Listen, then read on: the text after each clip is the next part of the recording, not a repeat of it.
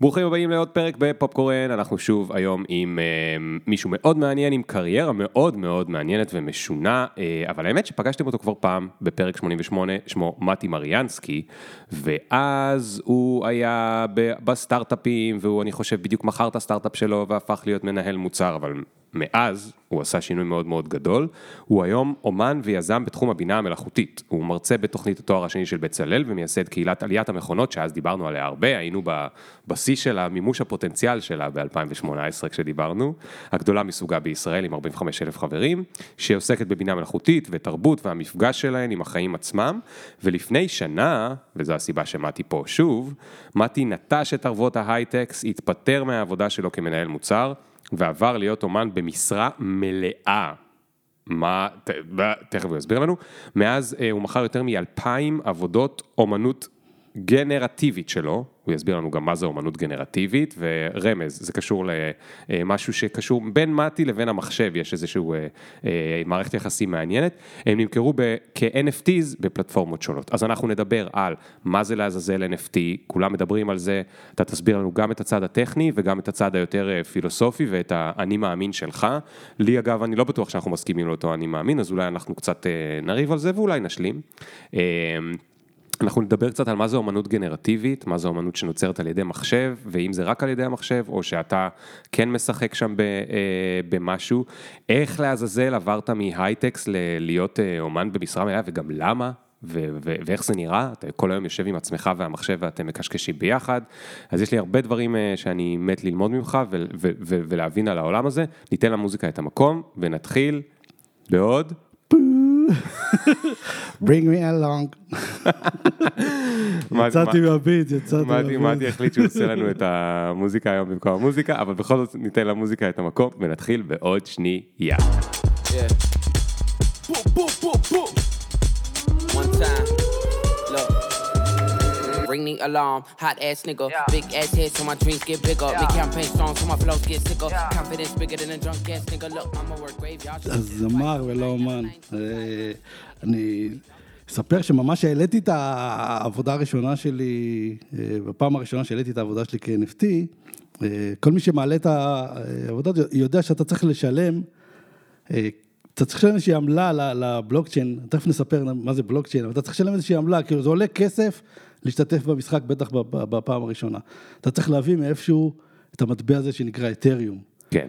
וכדי להביא אותו, אתה צריך אה, לספר למי שמוכר את האתריום, אתה צריך לספר לו, אוקיי, מי אתה, אתה צריך לשלוח תעודת זהות, זה לוקח כמה ימים, זה יכול לפעמים להיות מסובך.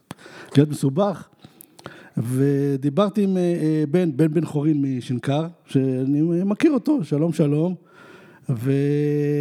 אמרתי לו, תשמע, אין לי, אין לי אתריום אה, להתחיל, אני כבר לא יודע מה לעשות. אז הוא אמר, מה אני, אני שולח לך אתריום אחד. והוא שלח לי מהארנק שלו לארנק שלי אתריום אחד. ובאמת, אחד שלם. אחד, כן. מטבע אחד.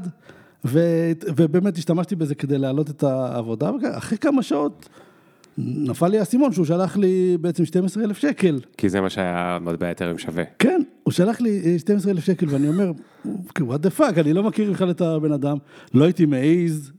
אני לא הייתי מעז לבקש מבן אדם אה, כן. הלוואה, תלווה לי 12 אלף כן. שקל. אבל למה הוא העביר לך אחד שלם? הוא לא יכל להעביר חצי או רבע או משהו כזה? אתה יודע, הוא לא רצה לשבור את הראש, אמר אני אתן לך אחד ואחרי זה תחזיר לי אותו אחר כך. אוקיי. ואני עד אחרי כל הזה החזרתי לו שניים, כאילו, כאילו יצא איתי, הוא היה כל כך אה, סבבה איתי, אז החזרתי לו שניים. וגם אני חשבתי על זה, אתה יודע, אתה לא חושב על זה, זה לא נשמע לך כמו 12 אלף שקל. כן. זה אחד. אחד הוא נתן לי מטבע אחד, נתתי לו שני מטבעות. אגב, היום אתריום שווה כמה? גם בערך הוא נפל, עלה, זאת אומרת, אני, יכול להיות שבזמן שאנחנו מדברים בפודקאסט הוא יעלה וירד עוד איזה... אבל איזה 3,500 דולר כזה, לא? משהו, אומרת, כן, קרוב ל-12,000 שקל עדיין. כן, כן, כן, משהו כזה. כבר היה הרבה יותר גבוה, היה גם צנח בחצי, זה מאוד... אה, אז, אז, אז מתי, מה, כאילו, מה... מה זה, אתה רוצה שנתחיל במה זה NFT או מה זה להיות אומן NFT? אה, בוא נתחיל בלהגיד מה זה בלוקצ'יין, אוקיי? אוקיי. למה, למה הבלוקצ'יין אוקיי. הזה בכלל אה, קיים. כי אני שומע הרבה פעמים אנשים מדברים על הבלוקצ'יין ונגררים לאיזשהו הסבר טכני, זה, זה שרשרת, זה בלוקים. בלוקצ'יין במהות שלו זאת האמת, אוקיי? אנחנו איבדנו את האמת בשנים האחרונות במיוחד, אנחנו רואים את זה, אנחנו לא יודעים מה אמיתי ומה לא. אנחנו לא יודעים מה קורה באוקראינה בדיוק, נכון? אנחנו... כן. אפילו ה-Waze, אני כבר לא יכול לסמוך עליו שהוא יגיד לי מתי לבוא, כלום, אין, אין אמת. כן, עכשיו, כל אחד. כל, כן, כל אחד יכול להגיד משהו, ואני יכול להחליט אם אני מאמין לו או לא, ואפילו כשמביאים לי הוכחה מצולמת, אז מישהו יגיד, אה, לא, זה חיילים רוסים בתמונה, ומישהו אחר יגיד, לא, זה חיילים אוקראינים כן. בתמונה. אתה, ואפשר אתה רואה את התמונה מול. העיניים, כן, ואתה רואה, אפילו כשאתה רואה את התמונה מול העיניים, כן. אתה, הפרשנות אתה לא, לא יכול לדעת, אנחנו כל כך כל כך זקוקים, כמהים, לאיזה משהו אחד, ש, ש, ש, מה שכתוב שם, אנחנו יכולים לדעת שזה, שזאת האמת. נוכל להאמין אי. אפשר לשנות את זה. אוקיי, וזה בדיוק מה שהבלוקצ'יין בא לעשות. הבלוקצ'יין זה בסך הכל פנקס מאוד מאוד גדול, שכתוב בו, אה, ליאור נתן למטי אה, אה, שקל, ומטי החזיר לבן שני איתריום, כל הדברים האלה כתובים בזה, אבל זה פנקס כזה שאי אפשר למחוק, ברגע שכתוב שם משהו, אי אפשר למחוק אותו, אי אפשר להרוס את הפנקס הזה, אי אפשר אה, לשנות אותו, אי אפשר ל- לרמות אותו. אז אם, אם הבלוקצ'יין יחיה אה, עוד 100 שנה, אז עוד 100 שנה יהיה שם פנקס של 100 שנה של כל הד- הדברים שמתי העביר לליאור, וליאור אחר כך ירש מהבן של מתי, והבן של מתי לקח לבת כן. של ליאור, ו... בדיוק, בדיוק. ואנחנו רואים שלפני כמה חודשים, אה, אה, אולי חצי שנה, ממשלת סין אמרה, אוקיי, מעכשיו אסור יותר לכרות אה, ביטקוין בסין, ואפשר להסתכל על הגרף של קריאת הביטקוין, ואנחנו רואים שמספר האנשים שהתעסקו בזה נפל בחצי, זאת אומרת, היא פשוט, סין השמידה חצי מהאנשים שהתעסקו בזה, העלימה אותם, אה, ואתה יכול להגיד, אוקיי, הנה, זה הסוף של הפנקס הזה, כי לא, כי ממשלת סין הכריזה מלחמה על הפנקס, ואתה יכול לראות שאחרי חודשיים הכל התאושש חזרה, והוא חזר, וואלה. הפעילות חזרה להיות בדיוק כמו שהייתה, זאת אומרת, אפילו מעצמה בגודל של סין מכריזה מלחמה על הפנקס הזה, היא לא יכולה כבר אה, למחוק אותו. אז אתה אומר, עזוב. רגע את כל העניינים הטכניים, יש איזשהו פנקס שהוא מאוד מאוד גדול ומסובך טכנולוגית, ולא ניכנס עכשיו לפרטים האלה, כי זה פחות מעניין בפרק הזה. אגב, היה, היו פרקים שדיברנו על זה, אני חושב עם אה, אליבייב, עם אורי אליבייב, דיברנו על זה וזה. אה, אבל יש איזשהו פנקס שטכנולוגית אפשר לגרום לו להתקיים ולהיות אמת. זאת אומרת, אי אפשר לזייף אותו, אי אפשר לרמות אותו, והוא מכיל את כל ה... ה... אגב, תגיד משהו, אם רשום שם כמה ליאור אה, שילם למטי וכמה מטי שילם למישהו אחר, זה לא חדירה לפרטיות שלי? אה, אז עוד, זה חלק מהעניין של הפנקס הזה, שהוא שקוף לכולם. זאת אומרת, חלק מזה שאתה אה, מבטיח לי את האמת, אז, אז חלק מהעניין זה שכל אחד יכול להסתכל ולבדוק בעצמו, אם הוא רוצה, האם זה באמת, אומרת, אני לא צריך לסמוך על ה, נגיד הבנק, או על איזושהי ממשלה, או על אה, רשויות הבריאות שיגידו לי אם החיסון בסדר או לא, אני יכול ללכת ולבדוק בעצמי, ו- וזה שם זה רשום, וזה באמת לטוב ולרע. אתה יכול להיכנס לכל הארנק של כל אחד ולראות כמה כסף יש לו כן. בארנק, או מה הוא קנה או מה הוא מכר. אוקיי, אז זה האמת בקשר לכסף, אבל יש הרבה דברים שהם לא כסף שאנחנו לא יודעים מה האמת. אנחנו לא יודעים מה האמת בקשר לחדשות, ואנחנו לא יודעים מה האמת בקשר לבריאות, ועוד הרבה דברים ש... שהרגע ציינת. הוא יוכל לעזור לנו? אז, אז כל, כל הדבר הזה של, ה, של הבלוקצ'יין, הביטקוין, כל הכסף הזה שעובר הווירטואלי ממקום למקום, יש בזה המון המון המון חורים. תמיד שתיכנס לוויכוח האם זה דבר טוב או לא טוב, יש כל כך הרבה דברים שאפשר להצביע עליהם ולהגיד, תשמע, זה לא עובד וזה לא עובד, ויש פה נורא קל עכשיו לרמות, לא צריך לקום מהכורסה, ואנשים יכולים לגנוב כסף אה, בקלות, ונכון, יש בזה, אבל ה... אם אתה יורד לשכבה התחתונה של הדבר הזה, אנחנו צריכים, אנחנו צריכים את האמת, והאמת הזאת היא חייבת אה, להיות, אה, אה, חייבת להגיע אלינו באיזשהו אופן, אנחנו צריכים איזשהו עוגן, משהו להיתפס עליו, שנוכל לאחוז בו, ולא לעזוב, ולדעת, אוקיי, זה, לפחות על זה אני יכול לסמוך ב... אז עכשיו, אתה יודע, בשימוש הראשון שלו, זה היה הרעיון של, של ביטקוין, ואחר כך הגיע איתריום עם, עם עוד שכלולים בצורת אה, חוזים חכמים, עוד ועוד דברים עולים, אה, עולים לדבר הזה, עוד ועוד דברים שצריכים את הפנקס הזה, שאי אפשר למחוק אותו ואי אפשר אה, לשנות אותו. כן. אה, וכאן הגיע גם ה-NFT? וכאן כן, כאן אנחנו יכולים להסתכל על מה שנקרא NFT. בעצם NFT בא להגיד, תראה, יש לנו אומנים דיגיטליים, אוקיי? הרבה אומנות אה, היא דיגיטלית, זאת אומרת, אם אני יושב ועושה את זה בפוטושופ, במחשב, או... אוקיי, ואז כל העותקים של האומנות הזאת הם שווים בדיוק אחד לשני. זאת אומרת, אם אני מצייר אה, תמונה שלי, אתה, ואני שם את זה סתם באתר, אתה תעשה right click ו save as, ויהיה לך עותק מדויק מדויק של, ה, כן, אותה אומנות פיקסל. ביי פיקסל. אי אפשר יהיה להבדיל בין העותק של... אני בעצמי לא אוכל להגיד אם שלי זה. זה שאני עבדתי עליו כן. או שלך. כי כן. הם אותו דבר... אה, אה, זה בדיוק. אפילו לא כמו הזיופים של פיקאסו, שאפשר עם איזשהו פחמן, פחמן לבדוק האם זה צויר ב-1900 או ב-2020, אז שם זה ממש pixel by pixel. אה, תראה, גם, גם הפחמן הזה לא שווה הרבה. זאת אומרת, היה לנו לא מזמן את הציור של דה וינצ'י, ציור האבוד של דה וינצ'י, סלווטור דה מונדי. מצאו ציור, יודעים בוודאות שדה וינצ'י, מתי שהוא צייר את אה, ישו, מחזיק את הכדור זכוכית, הוא עשה סקיצות, ובמחברות שלו יודעים. כן, אבל ספציפית גילו באיזשהו מחסן בניו יורק את הציור הזה, ואנחנו לא יודעים האם המאסטרו בעצמו צייר את זה, או אולי אחד מהתלמידים שלו צייר את זה. לא יודעים. כן. אוקיי, אנחנו יודעים שזה מהתקופה, אנחנו יודעים, הכל, הכל, הכל נכון, אבל עכשיו, כשגירדו קצת את הצבע, הסתכלו למטה, ראו שהאגודל שלו מצויר פעמיים. פעם אחת הוא קצת ימינה, פעם אחת הוא קצת שמאלה. עכשיו, חלק אומרים, תשמע, דה וינצ'י בחיים לא היה מצייר שני אגודלים, הוא היה אלוף האנטומיה, לא היה אף אחד יותר טוב ממנו באנטומיה, הוא היה מצייר את האגודל פעם ראשונה בזה, זה בטוח דה וינצ'י. כן. מצד שני אומרים, תשמע, אם זה היה מישהו שהעתיק את הדה וינצ'י, אז בטח שהוא לא היה צריך לצייר אגודל פעמיים, כי הוא כבר מעתיק אגודל אה, נכון. אז הסטודנט שלו אבל צייר. אולי הוא לא העתיק טוב. אוקיי, והכי גרוע שהמוזיאון שביקשו ממנו לבדוק אם זה דה וינצ'י או לא, הלובר היה אמור לקבל את הציור, ואז אמרו, כן, זה הדה וינצ'י הנכון, כן. ואז התברר שהם לא יקבלו את הציור, ואז אמרו, לא, זה מזויף.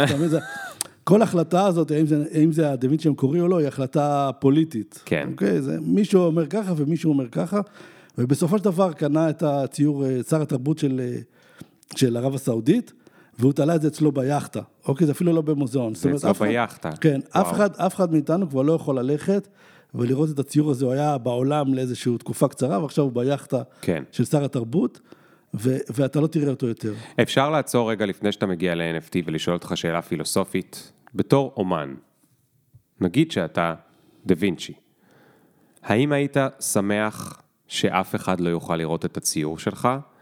או בקיצון השני היית שמח שכל אחד יוכל לתלות בבית שלו את הציור שלך? ב- בוודאי, בוודאי שהשני, זאת אומרת, איזה, איזה, זאת, איזה אומן כאילו רוצה לצייר לה, לה, ולשים את התמונות שלו במרתף?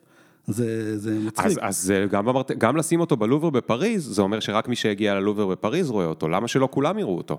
נכון, זאת אומרת, כל אחד יכול לראות את המונה, יש פוסטרים של המונליזה בכל מקום. וזה, כן. וזה בדיוק מה שה-NFT עושה, הוא מבדיל בין ההחזקה לבין הבעלות. זאת אומרת, כל אחד יוכל להחזיק בציור הזה. כל אחד יוכל לשים אצלו עותק מדויק של הסלווטורי. אוקיי, עותק מדויק של המונית, שכל אחד יכול לשים אותה, הוא יכול להדפיס אותה אחד ולתלות את זה אצלו בקיר כן. בבית וליהנות מזה, וזה סבבה לגמרי ו- וזה נהדר. אבל כשאתה רוצה לקנות את המקורי, אתה, תחשוב, יש מונליזה בלובר ויש מונליזה שאתה יכול לקנות בסנטר, נכון? כן. בחנות של הפוסטרים ב-100 שקל. כן. אתה לא תשלם על, ה, על העתק הזה יותר מ-100 שקל, אין לו נכון. את, ה, את ההילה שסובבת את המקור. כן. ואנחנו צריכים דרך לסמן ולהגיד, אוקיי, זה האחד, הוא, ה, הוא המקור והוא, אה, יש בן אדם אחד שהוא הבעלים שלו. כן. אוקיי, הבדלנו בין הבעלות לבין כן. ההחזקה. זאת אומרת, כל אחד יכול להחזיק ואחד יכול, רק אחד יכול למכור אותו במחיר של המקור. אתה יודע, זה מעלה לי מחשבה, למה לא לעשות את זה כמו עם אה, מוזיקה? במוזיקה יש זכויות יוצרים, ואני שר שיר, עכשיו כל אחד יכול לנגן את השיר הזה, אצלו במסעדה, אצלו בבית, אצלו בזה, אבל אני מקבל כסף, קצת כסף על כל השמעה כזאת של השיר, כי אני הבעלים, אני זה שהזכויות יוצרים. ש- וזה לא משנה אם זה הזמר או לייבל שקנה מהזמר את הזכויות יוצרים. אז גם ככה אולי היו יכולים לפתור את זה, זאת אומרת, כל מונליזה שהיו מוכרים ב-100 שקל בסנטר, שקל אחד היה הולך בחזרה ללאונרדו דה וינצ'י. כן, קשה מאוד לשלוט את זה. אתה יכול בעצם להגיד, תשמע, כל פעם שמישהו מסתכל על איזושהי מונליזה בעולם, הוא צריך לתת לי אה, כן, חצי סנט. סנט. אבל לא תוכל אה, אה, כן. לאכוף את זה. אוקיי. יכול שאתה יכול להגיד, בוא נסגור עם HP נגיד, כל פעם שבמדפסת שלכם עובר עובר משהו שדומה למונליזה, כן. אתם צריכים לתת לי תמלוגים או מהדיור. שתהיה או לא יודע. מצלמה קטנה מעל, ה... כן. מעל, מעל התצלום, שתצלם כן, כן. כמה עיניים ראו. אוקיי, מעניין. אז, אז איך פתרו את זה ב-NFT?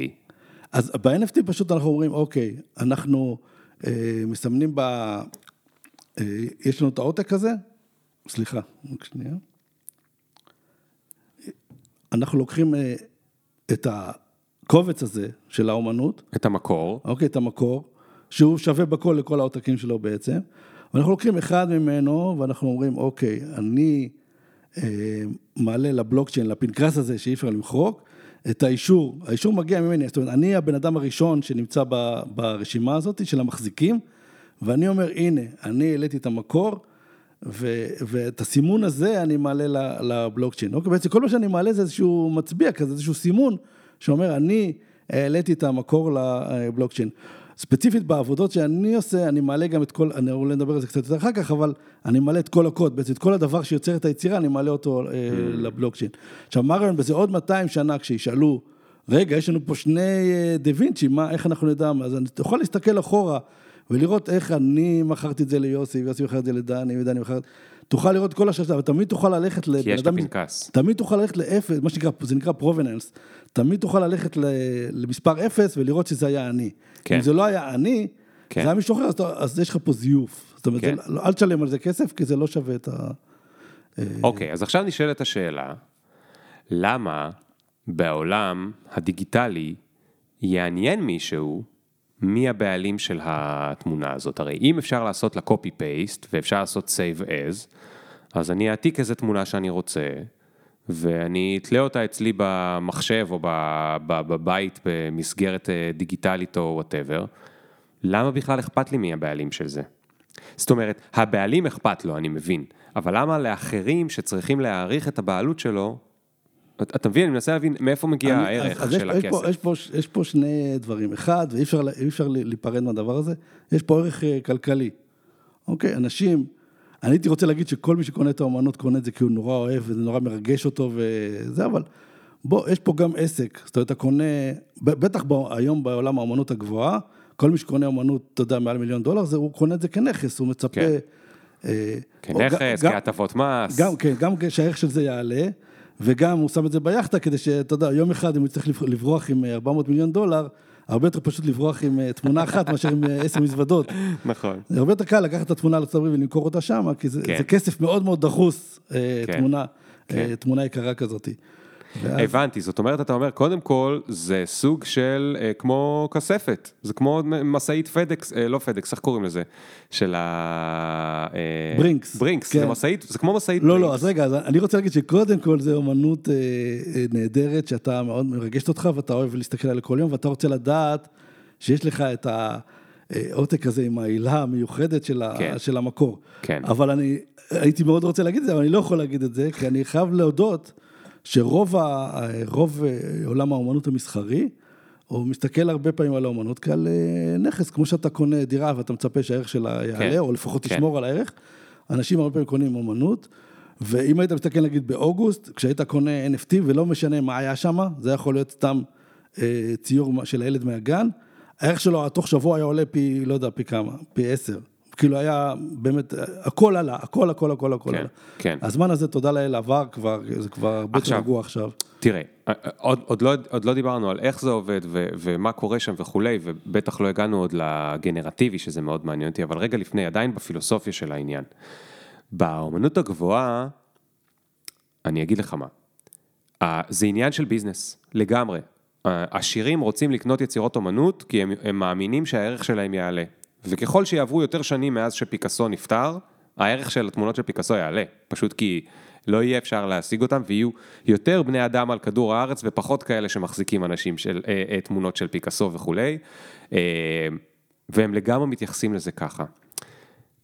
מתווספת לזה איזושהי התנהגות אצלם, אצל בעלי הגלריות, אצל הסוחרים באומנות וכולי וכולי וכולי, שהיא עלק אפשר להתווכח כמה היא עלק, אה, קשורה לאהבת אומנות.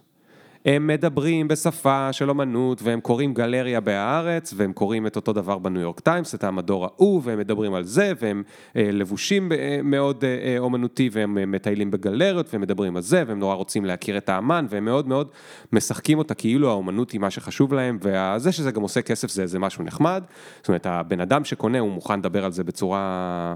אה, נקרא לזה ישירה, אבל כל ה ecosystem מסביב, האומנים והבעלי גלריות וזה, הם כאילו באיזושהי בועה מאוד אומנותית, שעל הדרך גם עושה כסף, אוקיי?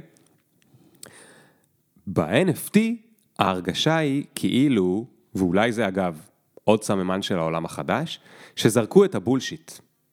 איכשהו מרגיש כאילו אף אחד לא מנסה לעשות את הפלאברה, או כמעט אף אחד לא מנסה לעשות פלאברה, כאילו באמת אכפת לו מאומנות, ורוב האנשים, ואתה באמת יוצא דופן ממי שפגשתי עד כה, שמתעסק בדברים האלה, רוב האנשים מסתכלים על זה כ business.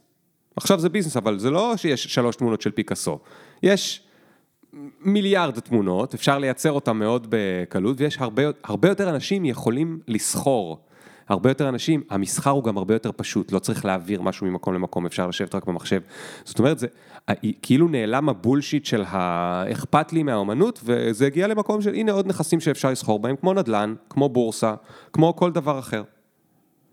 אז, אז יש פה זה לגמרי... מעליב אותך שאני אומר את זה? לא, לא מעליב אותי בכלל. אה, קודם כל, אני לגמרי מאמין, לא רק מאמין, אני אפילו מקווה שאנחנו באיזשהו שלב עכשיו, שבאמת אה, זה הכל ביזנס, ואני כן מקווה שיגיע איזשהו זמן שהבועה אה, הזאת תתפוצץ, או לפחות יצא ממנה הרבה אוויר, ואז, כמו שאומרים, אתה יודע, המים ירדו, ואנחנו נראה מי עומד עם תחתונים ומי עומד עם... מי היה לבוש. כן. אז, אז אני כן מקווה שתהיה איזו בועה שתעיף הרבה מה... כי יש הרבה, באמת הרבה בולשיט, לא מהצד שאתה אומר, אתה אומר, אני מתכוון בולשיט של...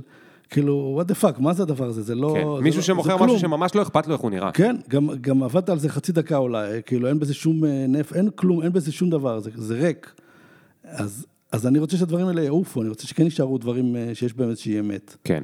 ואני מאוד אשמח לראות שזה, שזה קורה. זאת אומרת, אתה אומר באופן רומנטי, אתה עוד אומר, אולי כל התמונות האלה שלקח חצי דקה וסתם, הרי, בוא נדבר על זה קצת, איך תמונה היום מצליחה כ-NFT מצליח ערכה לעלות, אתה יודע, אז בוא תספר קצת. אני חושב שבטח שבאוגוסט, שנה שעברה, היה איזה זמן שעצם זה שהדבקת למשהו את התווית NFT, כאילו העלית אותו כבר היה יותר קור. זה כבר היה, כאילו כבר היית אומר, אוקיי, אני אקנה את זה וזה יעלה, כן. ואיך שזה יעלה. אבל עברה חצי שנה, והיום אם אני רוצה לייצר NFT, איך אני מעלה את ערכו בעצם? אתה צריך, אוקיי, זו שאלה, שאלה גדולה, איך אתה מעלה את ערכו? אתה, תראה, בוא נגיד באוגוסט שהיית מעלה, היה לך, היה לך גם איזשהו חלון זמן של תשומת לב, של חסד של תשומת לב שהיית יכול לקבל. היית מעלה, וזה נמצא נגיד באתר, בעמוד הראשי של אופנסי לאיזשהו זמן. אופנסי זה השוק הכי גדול ל-NFT. כן, האתר הכי גדול, כל ה-NFT בעצם מתאספים לאתר הזה שנקרא אופנסי, והיית מעלה לשם את הזה, והיה סיכוי שאנשים יראו אותו, והיום אתה תעלה משהו ותעשה רפרש ואתה כבר בעמוד 10. כן. זאת אומרת, אין, יש כל כך הרבה כבר ואין... כן. עכשיו, יש איזה עניין של, בגלל הגישה אה, הישירה בין האומן לבין מי שאוסף את האומנות, אז כאילו דילגנו על כל, ה, על כל העוצרים שהיו בדרך, אוקיי? לפני זה היית תלוי בזה שאיזשהו גלריסט היה צריך להגיד, אוקיי, זה נראה לי שזה אומנות. כן. שזה מתאים, אפשר לתלות את זה על הקיר, ושזה מספיק טוב, אנשים יקנו את זה, או שהיית צריך שאיזשהו עוצר יבחר בדרך שלך או במה שאתה עשית, כדי כן. להציג את זה באיזה מקום חשוב. ואז אגב, השלב הבא שלו היה שם, תכף נדבר, כי זה פשוט אולי מקביל, השלב הבא שלו היה שם, זה, תליתי את זה כבר בגלריה, שאני בחרתי לגלריה, ועכשיו אני מפיק את הערב פתיחה, ואני מפיק את הפרסומות בעיתונים ל... הנה בואו תראו את התמונות החדשות בגלריה, וכשאני אבוא ויעשה סיור לאנשים שאני יודע שיש להם כסף, או שהם אוספים את התמונות לאנשים שיש להם כסף, אז אני אגיד להם, הנה פה תראו איזה תמונה, זה של מתי, הוא אמן מתל אביב, הוא זה, זה משהו, ואני מה שנקרא ירים וירים וירים וירים וירים, וככל שאני ארים, יהיה אפשר לבקש על התמונה הזאת יותר. כן, אז זה לא מספיק שתרים, אתה צריך שיהיה לך גם למי להרים. זאת אומרת, מה שיש לגלריסט, שאין לאומן מתחיל, נגיד, זה שיש לו את הקהל, אוקיי? יש לו כן. רשימת תפוצה, הוא יכול להרים טלפונים לכל מיני אנשים ולהגיד בוא, בוא, בוא תראה איזה משהו מדהים, אתה חייב לבוא מחר לפתיחה. כן. אוקיי, יש לו, יש לו, הוא כבר, בעצם העבודה שלו הייתה... אה, גם לאסוף... marketing. כן, marketing לגמרי. לאסוף את, ה, לאסוף את האנשים האלה, ולהוכיח באופן קונסיסטנטי שיש לו טעם אה, טוב, ושהבחירות שלו באמת הן מוצלחות, כמו יועץ, בעצם כמו יועץ השקעות. כן. אה, במקביל, אבל הוא עושה את הדבר הזה באמנות. והוא יודע לדבר, הוא יודע את המילים הנכונות, והוא יודע מה נכון עכשיו, ומה, כאילו, מה עבר זמנו, ואם אתה, יודע, תהיה לידו, אז אתה גם תדע לדבר את הדיבור הזה. זה בדיוק כמו, אתה יודע, שאתה רוצה להבין ביין, או שאתה רוצה להבין במכוניות מהירות, מכוניות כן. אספנים, לא יודע, כל דבר כן. אחר. אתה צריך לרכוש את השפה המתאימה, ואתה כן. צריך לדעת, אוקיי, שמישהו יגיד לך את ה... וואו, פעם, פעם אחת ראיתי, ב... ולא קניתי את זה, אני עד היום מצטער ספר, שקוראים לו 100 שיחות, 100 אה, שיחות על כל דבר. הוא לא זוכר את השם שלו, עד היום אני לא יודע מה השם שלו. אבל זה אמר, נגיד שנכנסת למסיבה, ויש שם שלושה גולשים, הנה שלושה דברים שאתה צריך לדעת להגיד, אה, מה התשובות לשאלות הזה, כן. ואז אתה צריך להגיד, אה, מה לשאול אותו, אתה שואל אותו האם אתה סול סרפר, או אם אתה גולש מהסוג הזה, אז גם באומנות אתה צריך לדעת, אם אני מבין באומנות, אז אני יודע להגיד, אני אגיד שדה אומנות, אני לא אגיד אה, כן. אה, עולם האומנות, אני אגיד שדה כן. אומנות, אני לא, כן. יש מילים שאני אשתמש, ואז, ואז כולם יזהו אותי גם כאחד מה, מתוך העניין הזה. אוקיי, ואז בא ה-NFT הזה, והשוקים העצומים האלה שנפתחו, וזרקו לפח את כל הדברים, בחוצפה, זרקו לפח את כל הדברים האלה, ואין עוצר, ואין מי שיצביע ויגיד, אה, תשמע, זה הדבר הטוב וזה הדבר הלא טוב, ואז כל אחד יכול להחליט בעצמו. ויכול לעשות אולי החלטה גרועה מאוד. אבל עכשיו יעמדו אה, עשרת אלפים אומני NFT, וכל אחד מהם יגיד, ה-NFT שלי הכי טוב. אז למה שאחד משל, אחד מהם אה, כן יעלה ערכו ואחד לא? נכון, אז המשחק פה הוא אה, להגיד את זה באופן שישכנע מספיק אנשים.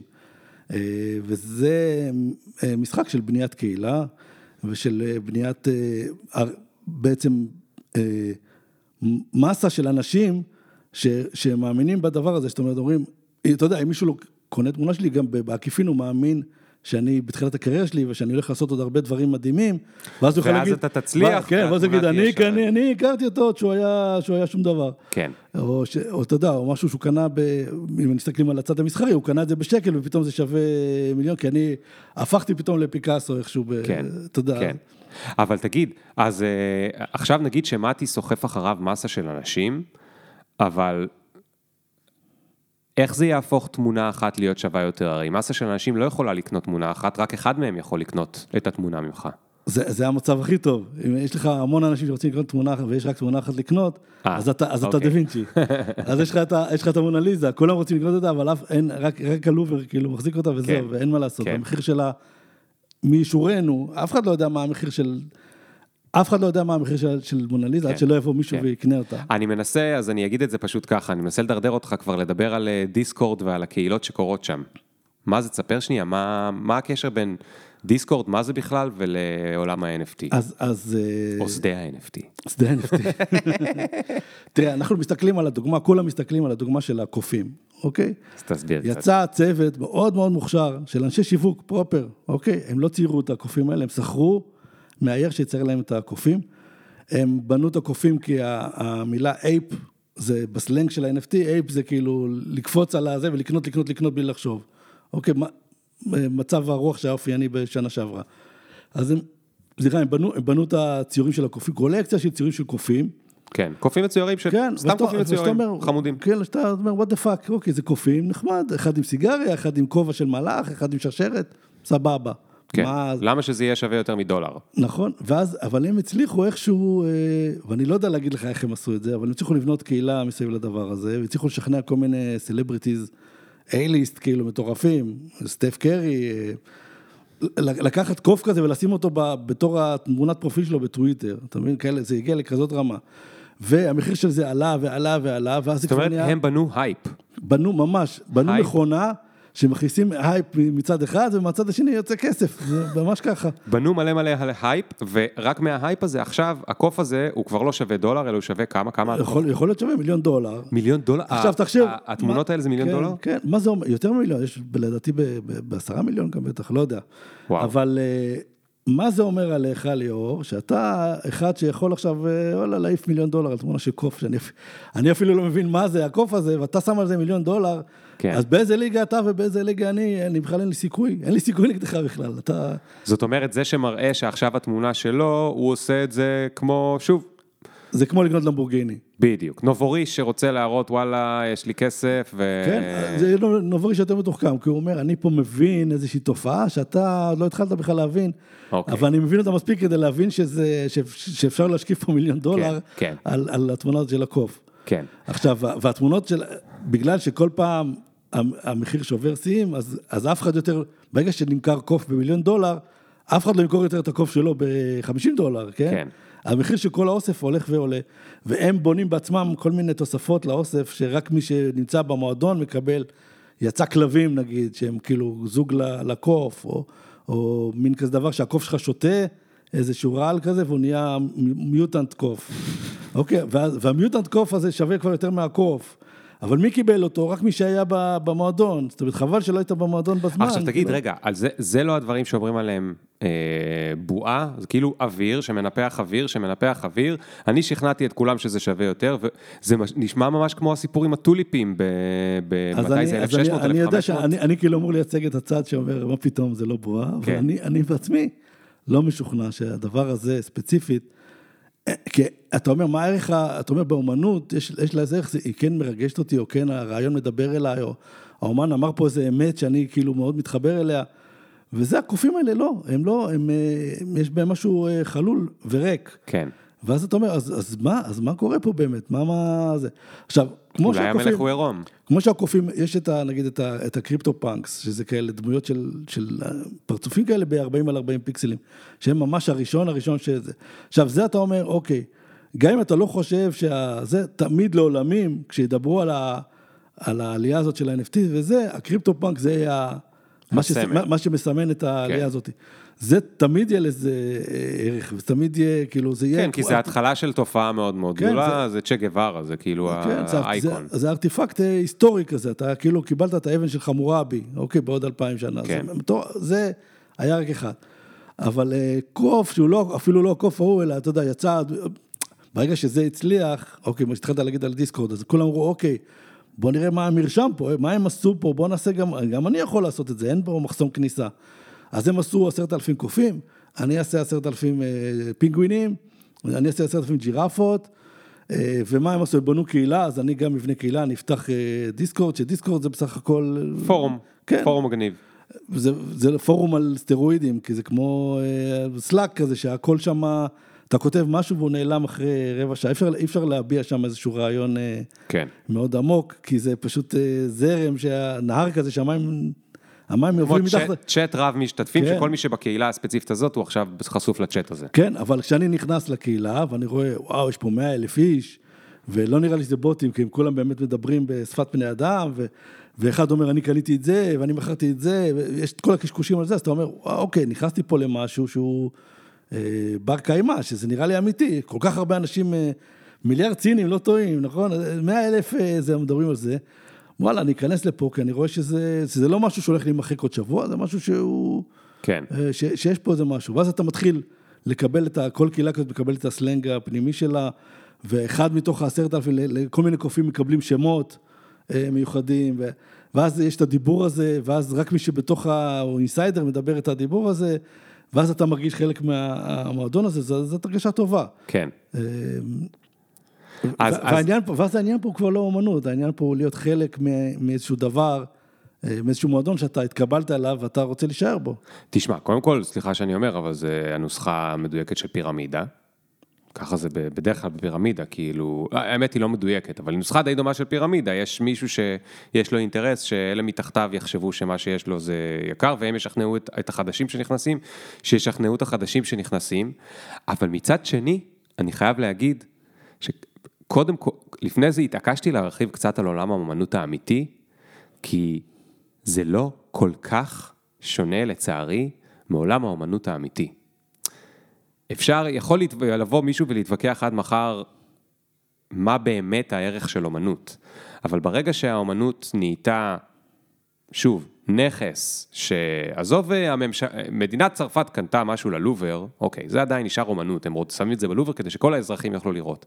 אבל שעשיר סעודי קנה אומנות ושם את זה אצלו ביאכטה בשביל השוויץ, זה לא מאוד שונה, לא מלמבורגיני, ולא מ-NFT, ולא מזה, והוא, יש לו אנשים שלו שדואגים, כנראה שיש לו אנשי שיווק שדואגים שהתמונה שאצלו תהיה שווה יותר. הם דואגים שיהיו על זה כתבות, והם דואגים שיהיה על זה דיבור, אז בעצם זה לא כזה שונה, זה כאילו עשו לזה, גם לזה עכשיו עשו דמוקרטיזציה, זאת אומרת, גם זה הביאו את זה להמונים, כמו הרבה דברים אחרים שהאינטרנט הצליח לעשות, ויכול להיות שגם במשחק שם, אה, זאת אומרת, מלכתחילה היה בולשיט במשחק של האומנות. אז, אז אני אומר, כאילו, זה, זה מפסיק להיות פירמידה כשיש פה, כשיש פה ערך. זאת אומרת, אתה, האם אתה אומר לעצמך, גם אם ה-NFT הזה יתמוטט מחר, וכל מה שקניתי, הקופים האלה יהיו שווים אפס, האם אני עדיין אשמח לראות את הקיר הזה, את הקוף הזה תלוי נגיד אצלי על הקיר בבית, או שזה יהיה הטפט שלי בטלפון, או האם זה עדיין ישמח אותי לראות את כן. הקוף הזה. אם ענית כן, אז יש לך פה משהו, זה לא, לא פירמידה, לא, לא עבדו, אתה קנית כן. משהו שאתה אוהב, אתה...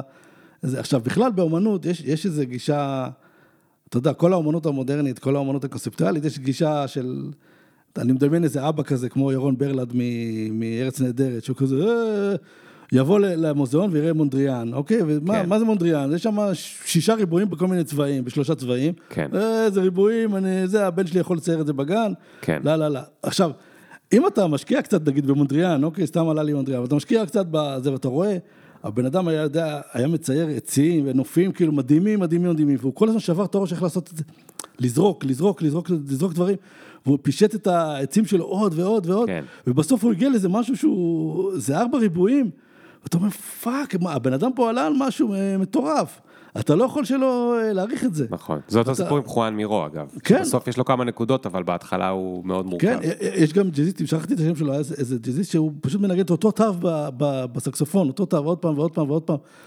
אתה, אתה, הוא הגיע לאיזה משהו שאתה לא הגעת אליו, אתה, וכשאתה רואה את זה, אתה מק- מקבל את, אתה מבין את זה, וזה, וחלק מזה מגיע אליך. אז יש בזה עומק, ויש בזה היסטוריה, ויש והשראה, בזה... והשראה מטורפת, כן, בטח. אוקיי, אז זה אחלה סגווי להתחיל לדבר רגע על ה-NFTs שאתה עושה, כי אני מניח שאתה תגיד, אני לא מצייר קופים, אני עושה משהו עם ערך מיוחד. כן, אני מצייר אה, ג'ירפה. אז בוא תספר לנו מה ה-NFTs שאתה עושה. קודם כל, אני, אני מתעסק בזה כבר המון זמן, זאת אומרת, מאז סוף שנות ה-90, כשהיה אה, פלאש, תמיד הייתי עושה את הדברים האלה בכיף שלי, כי אני, כי אני אוהב לעשות את זה, וזה כיף לי אה, לעשות את זה. ואני הייתי רואה אנשים אחרים שעושים את זה, ואומרים, וואו, זה משהו שגם אני הייתי רוצה, אני חושב שגם אני יכול לעשות כזה דבר, אני יכול לעשות את זה אפילו יותר טוב אולי ממישהו אחר. כל הזמן הייתי עושה את זה, אבל זה לא היה... אה, אתה יודע, לא הייתי מצליח להתחתן ככה עם אף אחד, אם זה מה שהייתי עושה, כי אתה יודע, אתה יודע, מישהו, אני לא, לא מצליח להגיד, אני- מישהו שואל אותי מה אתה עושה, אני לא מצליח להגיד לו, אני אומן, כאילו, אני אומר לעצמי, אני אגיד אומן, הוא יחשוב על אוקיי, בסדר, כאילו, אתה יודע, הוא כבר שם אותי באיזה מגירה כזאת של פסולי החיתון, ו- ו- ו- ועשיתי את זה כל הזמן, אבל זה לא, לא היה משהו שאפשר ש- לעשות, זה לא יכול להיות הדבר שלך, זאת אומרת, הייתי מנהל מוצר, כן, ועסקתי זה לא היה סוסטיינבילי. כן, כן, כן. ו, ופתאום לפני שנה, פתאום אה, נוצר גם קהל של מתעניינים בסוג הספציפי הזה של אמנות, שהוא נמצא במקום אחד, זאת אומרת שאני לא צריך לחפש אותו, אחד הוא נמצא פה ואחד נמצא שם, ואחד בסין ואחד ביפן ואחד בארצות הברית, כולם נמצאים במקום, זה מקום שהוא באינטרנט, אבל כולם נמצאים במקום אחד, אתה יכול להגיע אליהם במכה אחת, אוקיי, נמצאים בדיסקורד אחד של האתר שנקרא ארטבלוקס, ואתה יכול להיכנס לדיסקורד הזה, ואתה רואה פתאום אנשים מדברים על הדברים שאתה, שאני עושה. מדברים על זה בהערכה, ואומרים, אוקיי, זה מעניין כי זה ככה, ו- וזאת השפעה מפה, והוא עשה... פתאום יש אה, שיח, ואנשים יורדים לעומק הדבר, הזה, ומעריכים את זה, ומוכנים גם אה, לשלם על זה בכסף, להוציא כסף מהארנק ולשלם על זה כסף ולאסוף את זה.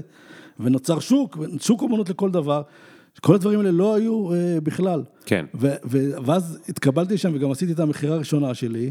התקבלת לאן? לאתר הזה שנקרא ארטבלוקס, ספציפית. מה זה האתר הזה? זה אתר שמתעסק רק באמנות, הסוג הספציפי הזה של אמנות גנרטיבית, תכף נסביר אולי מה זה, ו, וכדי להתקבל, אתה לא פשוט בא ונרשם ומעלה, כן. אלא שם איזו ועדה די קשוחה, ואתה צריך, לוקח כמה חודשים, ומעבירים אותך ושואלים. בסוף אתה מצליח אה, להתקבל לשם, והעליתי את העבודה הראשונה, וזה הצליח מאוד מאוד. ואני הבנתי כאילו שאני, זהו, אני לא יכול לעשות שום דבר אחר, כאילו, זה, זהו, אין לי יותר שום, אין לי יותר שום תירוץ לא, לא לעזוב הכל ולעשות את הדבר הזה שתמיד רציתי לעשות. של אומנות. כן, אז אתה כאילו ממש בא ממקום קיצוני הפוך ממה שדיברנו עליו קודם, של אנשי שיווק שקלטו שיש פה איזשהו משהו, יש שם איזשהו אומנות, כאילו, לא, יודע- לא יודעים למה, אבל איכשהו ערבבו את המילה אומנות, אז אנחנו, בוא ניקח כמה אומנים כאלה חמודים שיצרו לנו קופים וזה וזה. אתה אומר, אני הגעתי לזה מהכיוון השני, אני רציתי תמיד להיות אומן, מעניינת אותי אומנות, אני אוהב אומנות, אבל אה, היה קשה ל- להתקיים מזה, והיה קשה למצוא קהל לזה, והיה קשה, הייתי צריך לשווק את עצמי וכל מיני דברים כאלה שלא היה לי נוח לעשות, ופתאום האינטרנט מצא דרך ל- להנגיש לי את זה גם, לך ולעוד הרבה, כנראה. כן. ו... ו... אוקיי, אז, אז ת, תסביר לנו מה זה אומנות גנרטיבית. אוקיי, אז באמנות גנרטיבית, אני האומן הראשון יוצר אומן שני, יוצר איזושהי מערכת אוטונומית, אז כשאני אומר אוטונומית, שהיא יכולה לפעול גם אם אני לא אהיה שמה, והיא זאת שיוצרת את האומנות לא עצמה. הבנתי. אוקיי. אתה יולד ילד? אז, אז אנחנו יכולים לקחת, אה, זה התחיל ב... ב לא יודע, בשנות ה-60 או ה-70, בוא ניקח אומן בשם אה, סול לויט, אוקיי, והוא היה כותב אה, הוראות על דף, מדפיס הוראות על דף, והוא היה נותן את זה למוזיאון, או שולח את זה אפילו למוזיאון שצריך לעשות את זה שם, והם היו עושים את ההוראות, והוא לא היה בכלל נוכח. מה זה ההוראות? תצבעו באדום? למשל, כן, הוא אומר, תיקחו את הקיר, צריכים להיות עשרה פסים אופקיים ועשרה פסים אנכיים, וביניהם שלוש נקודות מחוברות בקו. אוקיי, והוא אפילו לא היה... הוא אה, שלח להם את המתכון. שלח להם את המתכון, ועד היום כשאתה קונה עבודה של סולבית, בעצם אתה קונה את הדף המקורי הזה שהוא הדפיס, גדול. והוא חתם על הזה, והוא, והוא נתן את ה... הוא בנה איזשהו אלגוריתם כזה לעובדים של הזה, וכל התנועה הזאת שהייתה, אז אומרת, הרעיון של האומנות, ברגע שחשבתי על הרעיון, זה העניין. אה. הביצוע עצמו, זה לא משנה אם, אם איזשהו פועל במוזיאון יעשה את זה, וזה לא משנה אם בכלל לא הייתי שם, כי ברגע שחשבתי על הרעיון והגיתי את הרעיון, זה, זה המ- אז האומנות אז זה. מאוד שונה בעצם מהמחשבה של הבתי ספר לאמנות של פעם, של פעם אני מתכוון 1500, וזה, ש, שהתעס, ברנסאנס, שהתעסקו בייחוד ב... להצליח לייצר את היד המושלמת ואת כן. השיער המושלם ואת הצל המושלם ולאונרדו ויצ'י אמרת וכולי, אלא פה זה מין מישהו שאומר זה כבר לא משנה, זה, יש, יודעים את החוקים, הם למד, מישהו למד, יש איזשהו אה, צי... לא יודע איך קוראים למקצוע הזה, צייר שילך ויעשה, אבל האומנות היא הרעיון, היא הקונספט. בדיוק, בדיוק. אוקיי, אז, אז הוא היה שולח להם מתכונים והם היו מציירים, ולאן זה המשיך משם? אז אה, זה פשוט המשיך לזה שהמתכון הזה שהוא היה מדפיס על, על דף עם מכונת כתיבה, אה, בעצם הפך להיות אה, תוכנה, קוד שאני כותב, Mm. והצבעי הזה שהיה במוזיאון הוא בעצם המחשב שלי. אז ו- אתה אומר למחשב שלך, תצייר ככה וככה וככה וככה. כן, כן. אני אומר לו, בוא נגיד סתם, ניקח דוגמה, אני אגיד לו, נגיד שהאמנות שלי לעשות עיגולים אדומים, אז אני אכתוב אה, אה, קוד שמצייר עיגולים אדומים, והוא פשוט שם עיגולים אדומים על ה... על ה... על ה... על הוא שם הקנבס. פעם אחת עיגולים אדומים, או שיוצאות לו הרבה וריאציות של עיגולים אז, אדומים? אז, אז אני תמיד מזריק לשם איזשהו אה, גורם של אקראיות, אוקיי? ואז אני אומר, העיגול האדום יכול להיות בכל מקום על המסך, אבל לא, לא בפינה הימנית העליונה. אוקיי. ואז יש לי בעצם אין ספור עבודות, כי אתה יכול לשים את העיגול הזה בכל מקום שאתה רוצה, אבל כולם הם העבודה שלי שנקראת עיגול אדום, שאינו בפינה הימנית ה... אה, אז העבודה שלך היא לא האין ספור תוצרים, אלא העבודה שלך היא האלגוריתם המקורי. כן. ההוראות המ- ההוראות המקוריות, זאת העבודה שלי, אבל אז, וזה מה שהכי יפה בארטבלוקס, אני, עכשיו הדוגמה של העיגול היא דוגמה מטופשת, כן? אז זה לא, זה לא מה ש... זה לא ככה נראה, אבל, זאת אומרת, אני מנסה לבנות משהו, איזשהו רעיון, ואני בוא נותנת למחשב את החוקים שאומרים, האם הקנבס הזה נמצא ברעיון שלי או לא נמצא ברעיון שלי, זאת אומרת, יש דברים שלא נכנסים ויש דברים שכן אה, נכנסים, זה צריך להיות מאוד מדויק הדבר הזה. אבל בסופו של דבר המכונה הזאת יכולה להוציא אין ספור עבודות, אני בעצם לא יודע מה יצא בפעם הבאה שאני אלחץ רפרש. אז אתה עושה רפרש ואתה רואה משהו ואתה אומר, ו- וזה מפתיע אותך מה שיוצא? כן. שאתה אומר, זה מה שהתכוונתי. לפעמים זה בדיוק מה שהתכוונתי, ולפעמים זה ממש לא מה שהתכוונתי, ולפעמים אני זורק לפח את מה שהתכוונתי, ואני הולך לדבר הזה, שפתאום אני מבין שזה מה שהתכוונתי בכלל, או שאפילו לא, פתאום מהדבר הזה, זאת אומרת, יש תהליך של, של כל עבודה כזאת לוקח כמה חודשים לפחות לעשות אותה. מה? ויש למה? תהליך. רגע, למה כי אתה, כמה כי אתה חודשים? מתחיל, אתה מתחיל מאיזשהו רעיון, אתה תוקע איזשהו אה, דגל מרוחק כזה, שאתה אומר, יש לי רעיון, בוא נמשיך עם הדוגמה הטיפשית הזאת של העיגולים האדומים. אוקיי, יש לי רעיון עם העיגולים האדומים, בוא ננסה, נראה מה קורה. אבל אני- רגע, אבל, אבל שנייה, זה, זה, סוף סוף יש לי הזדמנות להיכנס ל, למוחו של, אה, של אה, צייר, או אמן, אומן. איך, מה זאת אומרת יש לי רעיון עיגולים אדומים? מה, מה הרעיון הוא ויזואלי, הרעיון הוא פילוסופי שאתה מתרגם לעיגולים אדומים? זאת אומרת, מה יש שם בדרך כלל? אז, אז אני, אז אני אוקיי, אז בוא ניקח... הרעיון הוא, עבודה, יש כן. לי רעיון בוא ניקח- לסוס רוכב? בוא או- ניקח עבודה שהיא כן, אוקיי, שהיא כן אמיתית. העבודה האחרונה שהייתה לי בארטבוק, שנקראת פרבלום. יש לנו זמן, אז ת- תסביר אוקיי, את זה ב- בסדר. ב- אז- בפירוט. אז אני, אה, החשיבה שלי הייתה אה, לדבר על, על מלחמה בין, בין הרגש לרציונל, אוקיי? בין ה, מתי אתה עושה החלטה שהיא לוגית ומתי אתה עושה החלטה שהיא רגשית. כאילו, מתי כן. זה מהראש ומתי זה מהבטן. כן. אוקיי, וניסיתי לחשוב איך אני הייתי יכול אה, לעשות, לשים כזה דבר על, על קנבס, כאילו איך אני יכול לעשות את זה. ואמרתי, אוקיי, אז התחלתי, אמרתי, אוקיי, אתה מנסה לפרק את הבעיה הזאת למשהו יותר קטן. אתה אומר, אוקיי, הרגש, אם אני רוצה לעשות אה, אה, משהו שיבטא רגש, אז, אז ללא ספק אני צריך ללכת ל- לרוטקו, אוקיי? למרק רוטקו. מי שמכיר את מרק רוטקו, יש לו קנבסים עצומים עצומים כאלה, שלפעמים אתה בא ואתה אומר, יש פה ריבוע אדום ועליו ריבוע לבן. אתה אומר, what the fuck, כאילו, בטח כשאתה רואה את זה באינטרנט, אתה לא כל כך מבין מה הסיפור. כן. כשאתה הולך ועומד מול הקנבס הזה, זה קנבס עצום כזה, נורא נורא כן, גדול. בגודל של קיר. כן, אתה פתאום, אה, וואו, אתה, אחרי, אתה מסתכל על זה כמה דקות ואתה פשוט טובע בתוך הדבר הזה, לא יאומן איזה רגש יש בשני כן. ריבועים האלה שהוא עשה. אה, וזה ממש משהו שצריך לחוות אותו, לראות פעם אחת אה, רודקו ו- ולסתום את הפה, כאילו, בן אדם- גדול. אוקיי, אמרתי, אוקיי, אז רודקו, הסגנון שלו נקרא קולר פילדס, אמרתי, אוקיי, בוא ננסה לעשות איזושהי אימולציה במחשב, כאילו אם הייתי רוצה לצייר רודקו, עכשיו, מה זה אומר לצייר רודקו? אתה צריך לשאול את עצמך, מתי משהו רודקו, ומתי, אם אני אוריד ממנו פיקסל אחד, הוא כבר לא יהיה יותר רודקו. מתי, איפה? מתי זה סתם ריבוע אדום כן, וריבוע לבן, ומתי כן. איכשהו עשה מתי שם זה משהו הופך, שזה... זה הופך להיות אה, רודקו. ואז אתה, אתה מתחיל ממשהו מאוד פשוט, אתה פשוט מעתיק את רודקו, אוקיי? אתה פשוט אומר, כן. אני אנסה לעשות משהו שיהיה בדיוק רודקו, כדי שאני בכלל אנסה להבין מה, במה זה כרוך. אוקיי, ואני גם מעלה את זה בפייסבוק, אז אפשר לראות את הדברים המוקדמים מאוד שעשיתי. בהתחלה מאוד ניסיתי לראות כמו רודקו, ואחרי זה אתה גם מבין את המגבלות של המסך אה, מחשב שאתה עובד מולו, אתה גם מבין מה עושה לך את זה יותר ומה עושה לך את זה פחות, ואז אתה מתחיל לזרוק דברים אה, לפח ומתחיל להתקדם לאיזשהו אה, כיוון, כן. שאתה יותר זאת אומרת, ויותר... יוצא לך מלא וריאציות ואתה מכוונן את זה ככה עם כן. האקולייזר של התוכנה, עד שיוצא משהו שזה, אבל תגיד, באף הזדמנות אתה לא מדפיס את זה על קנבס בגודל של קיר, אז אמרת לי קודם, נגיד ברותקו, לא מבינים את זה עד שלא עומדים מולו. נכון, ואז זה בדיוק? זה, אז אתה אומר, אוקיי, אתה מסתכל על זה ואתה אומר, טוב, לא יצא לי רודקו, כאילו, אני מסתכל על זה ואני לא עצוב, זה נראה לי כאילו שני ריבועים, זה בדיוק מה שלא רציתי שזה יהיה. כן. ואז אתה אומר לעצמך, אז אוקיי, אבל אני לא הולך, אנשים שקונים את זה לא הולכים להדפיס את זה על קנבס, זה המ- המדיום שלי הוא מסך של מחשב. כן. אני עובד עם אה, מסך כזה, כן. שאני מאוד אוהב, של מק וזה, הוא מסך מעולה, אבל זה לא, זה עדיין לא הקנבס, שאתה רואה פה את הטקסטורה של יותר המיקרון. גרוע, אלה שיקנו ממך אולי אין להם את המסך הטוב. כן, כן, אז אתה, אז, אז אתה, המדיום פה קושר את הידיים שלך, ואתה צריך לדעת אה, איפה לסחוט, לאיפה לסחוט, כדי כן להשיג את מה שרצית. אוקיי. כן, אה, זה. אז אתה אומר, יש לך אתגר עכשיו יותר גדול, אתה צריך להגיד, אילו הייתי רודקו, כשלרודקו היה מחשב, אז איך הייתי מצליח לעשות רודקו במחשב? לא, אבל אני התחלתי, התחלתי. מרודקו, בסופו של דבר אני רוצה להגיע למשהו שהוא, מה מתי רוצה לעשות, כדי, לה, איך מתי יביע את, ה, את הרגש, כן. איזה צבעים אני אבחר, איך אני, מה יהיה היחסים בין הריבועים האלה, כן. מה...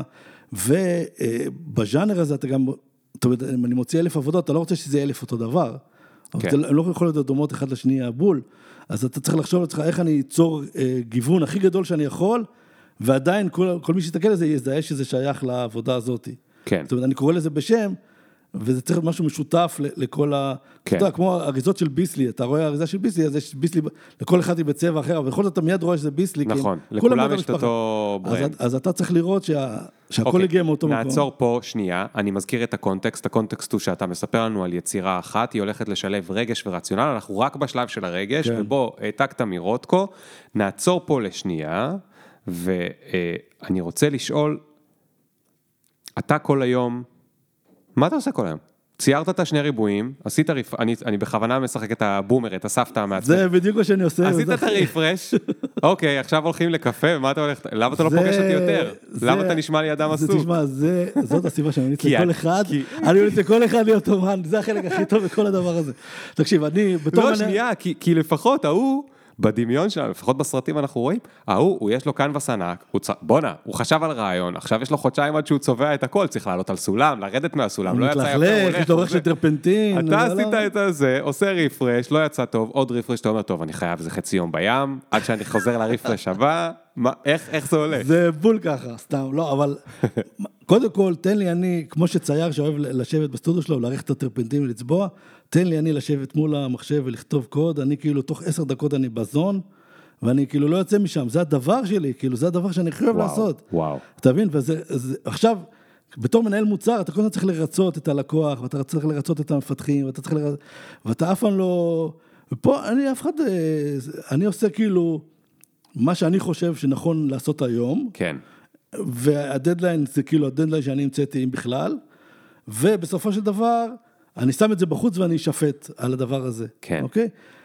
אז אני, אני, אף אחד לא יגיד לי, לא יבוא ויגיד לי, עוד לפני שהוצאתי את זה, נכון? אז אתה בא, אתה עושה עבודה, אתה מעצב גרפי, עוד לפני שהוצאת משהו ללקוחות, כבר יש עשרה עשרה אנשים פה בזה שאומרים, לא, לא, לא, לא, זה לא טוב, אל תעשה ככה, הלקוחות שלנו לא אוהבים לבן, ואני, כשאתה נותן לעצמך את הכותרת אומן, אתה אומר זובי על כל הדברים האלה. כן. אני עכשיו אה, מרגיש לבן היום.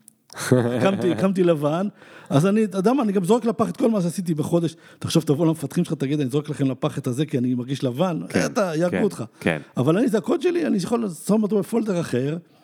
טעיתי, טעיתי שלא אבל אתה. באמת שעות אחרי שעות מסתכל על המסך הזה, ואין לך את הפחד, ש... שזה אגב שאלה גם לאמן של פעם, שבגלל שהסתכלת על זה כבר 400 שעות, אז אתה באמת לא יודע, אה, אתה ממש מנותק ממה שירגיש מי שמסתכל על זה בפעם הראשונה? אבל בתור אומן אני צריך להיות אה, נאמן רק לעצמי. אוקיי, אוקיי. ו- ולא אכפת לי, תכלס, לא, ברור שאכפת לי, ברור שאני רוצה כאילו למצוא חן, ואני רוצה להצליח, ואני רוצה אתה לתקשר. רוצה גם לעשות מזה כסף ואני, בסוף, אתה ואני רוצה, כן, להתפרנס צריך מזה. להתפרנס, ואני רוצה לתקשר, אני רוצה, אני רוצה את כל הדברים האלה. כן, כן. אבל בלב העניין אני נאמן, זאת אומרת, אתה סומך עליי שאני הבאתי משהו כאומן, כי אתה אומר, אוקיי, אם הוא אומן טוב, אז הדבר הזה שהוא הביא הוא טוב. ואז החובה של היחידה זה להיות נאמן לעצמי, כי אז אחרת זה לא יהיה טוב. אוקיי. אוקיי, זה לא אוקיי, כן, אז זה עכשיו, לא יהיה נחזור, אמיתי. עכשיו נחזור למיקרו, מהמקרו נחזור למיקרו, ואתה מחפש את הריבועים האלה וזה, ובסוף אתה אוקיי, אז מוצא אני, משהו אז שאתה מתחיל לאהוב. קודם כל אני בונה איזשהו אלגוריתם שבונה את הריבועים, הוא מוליד אותם, ולפעמים הוא מחלק את, הד... את הקנבס לכל מיני חלוקות, וזה, ואני עובד על שוב, וזה אני לא מרוצה, וזה לא יוצא באמצע, ולפעמים זה יוצא המון מכוערים, זאת אומרת, יש דברים שאני לא אוהב, ואני צריך לוודא, שה... לחתוך אותם מהעץ הזה של האלגוריתם, שהוא לא ילך אף פעם לפינה הזאת. כי אני רוצה משהו מסוים, והוא מביא לי דברים, לא כל, כל הדברים שהוא מביא לי זה דברים טובים, ואני אומר, וואו, וואו, וואו, איזה יופי כן, יצא לי. כן. הרבה, יוצא גם הרבה זבל, דברים שאתה לא רוצה. יכול לצאת קנבס ריק לגמרי, כאילו, אתה אומר, אוקיי, מה, זה לא מה שרציתי. כי כל הריבועים, הוא שם אותם בחוץ, כן. נגיד, כי לא כן. חשבת להגביל כן. אותם. וזה הצד של הרגש.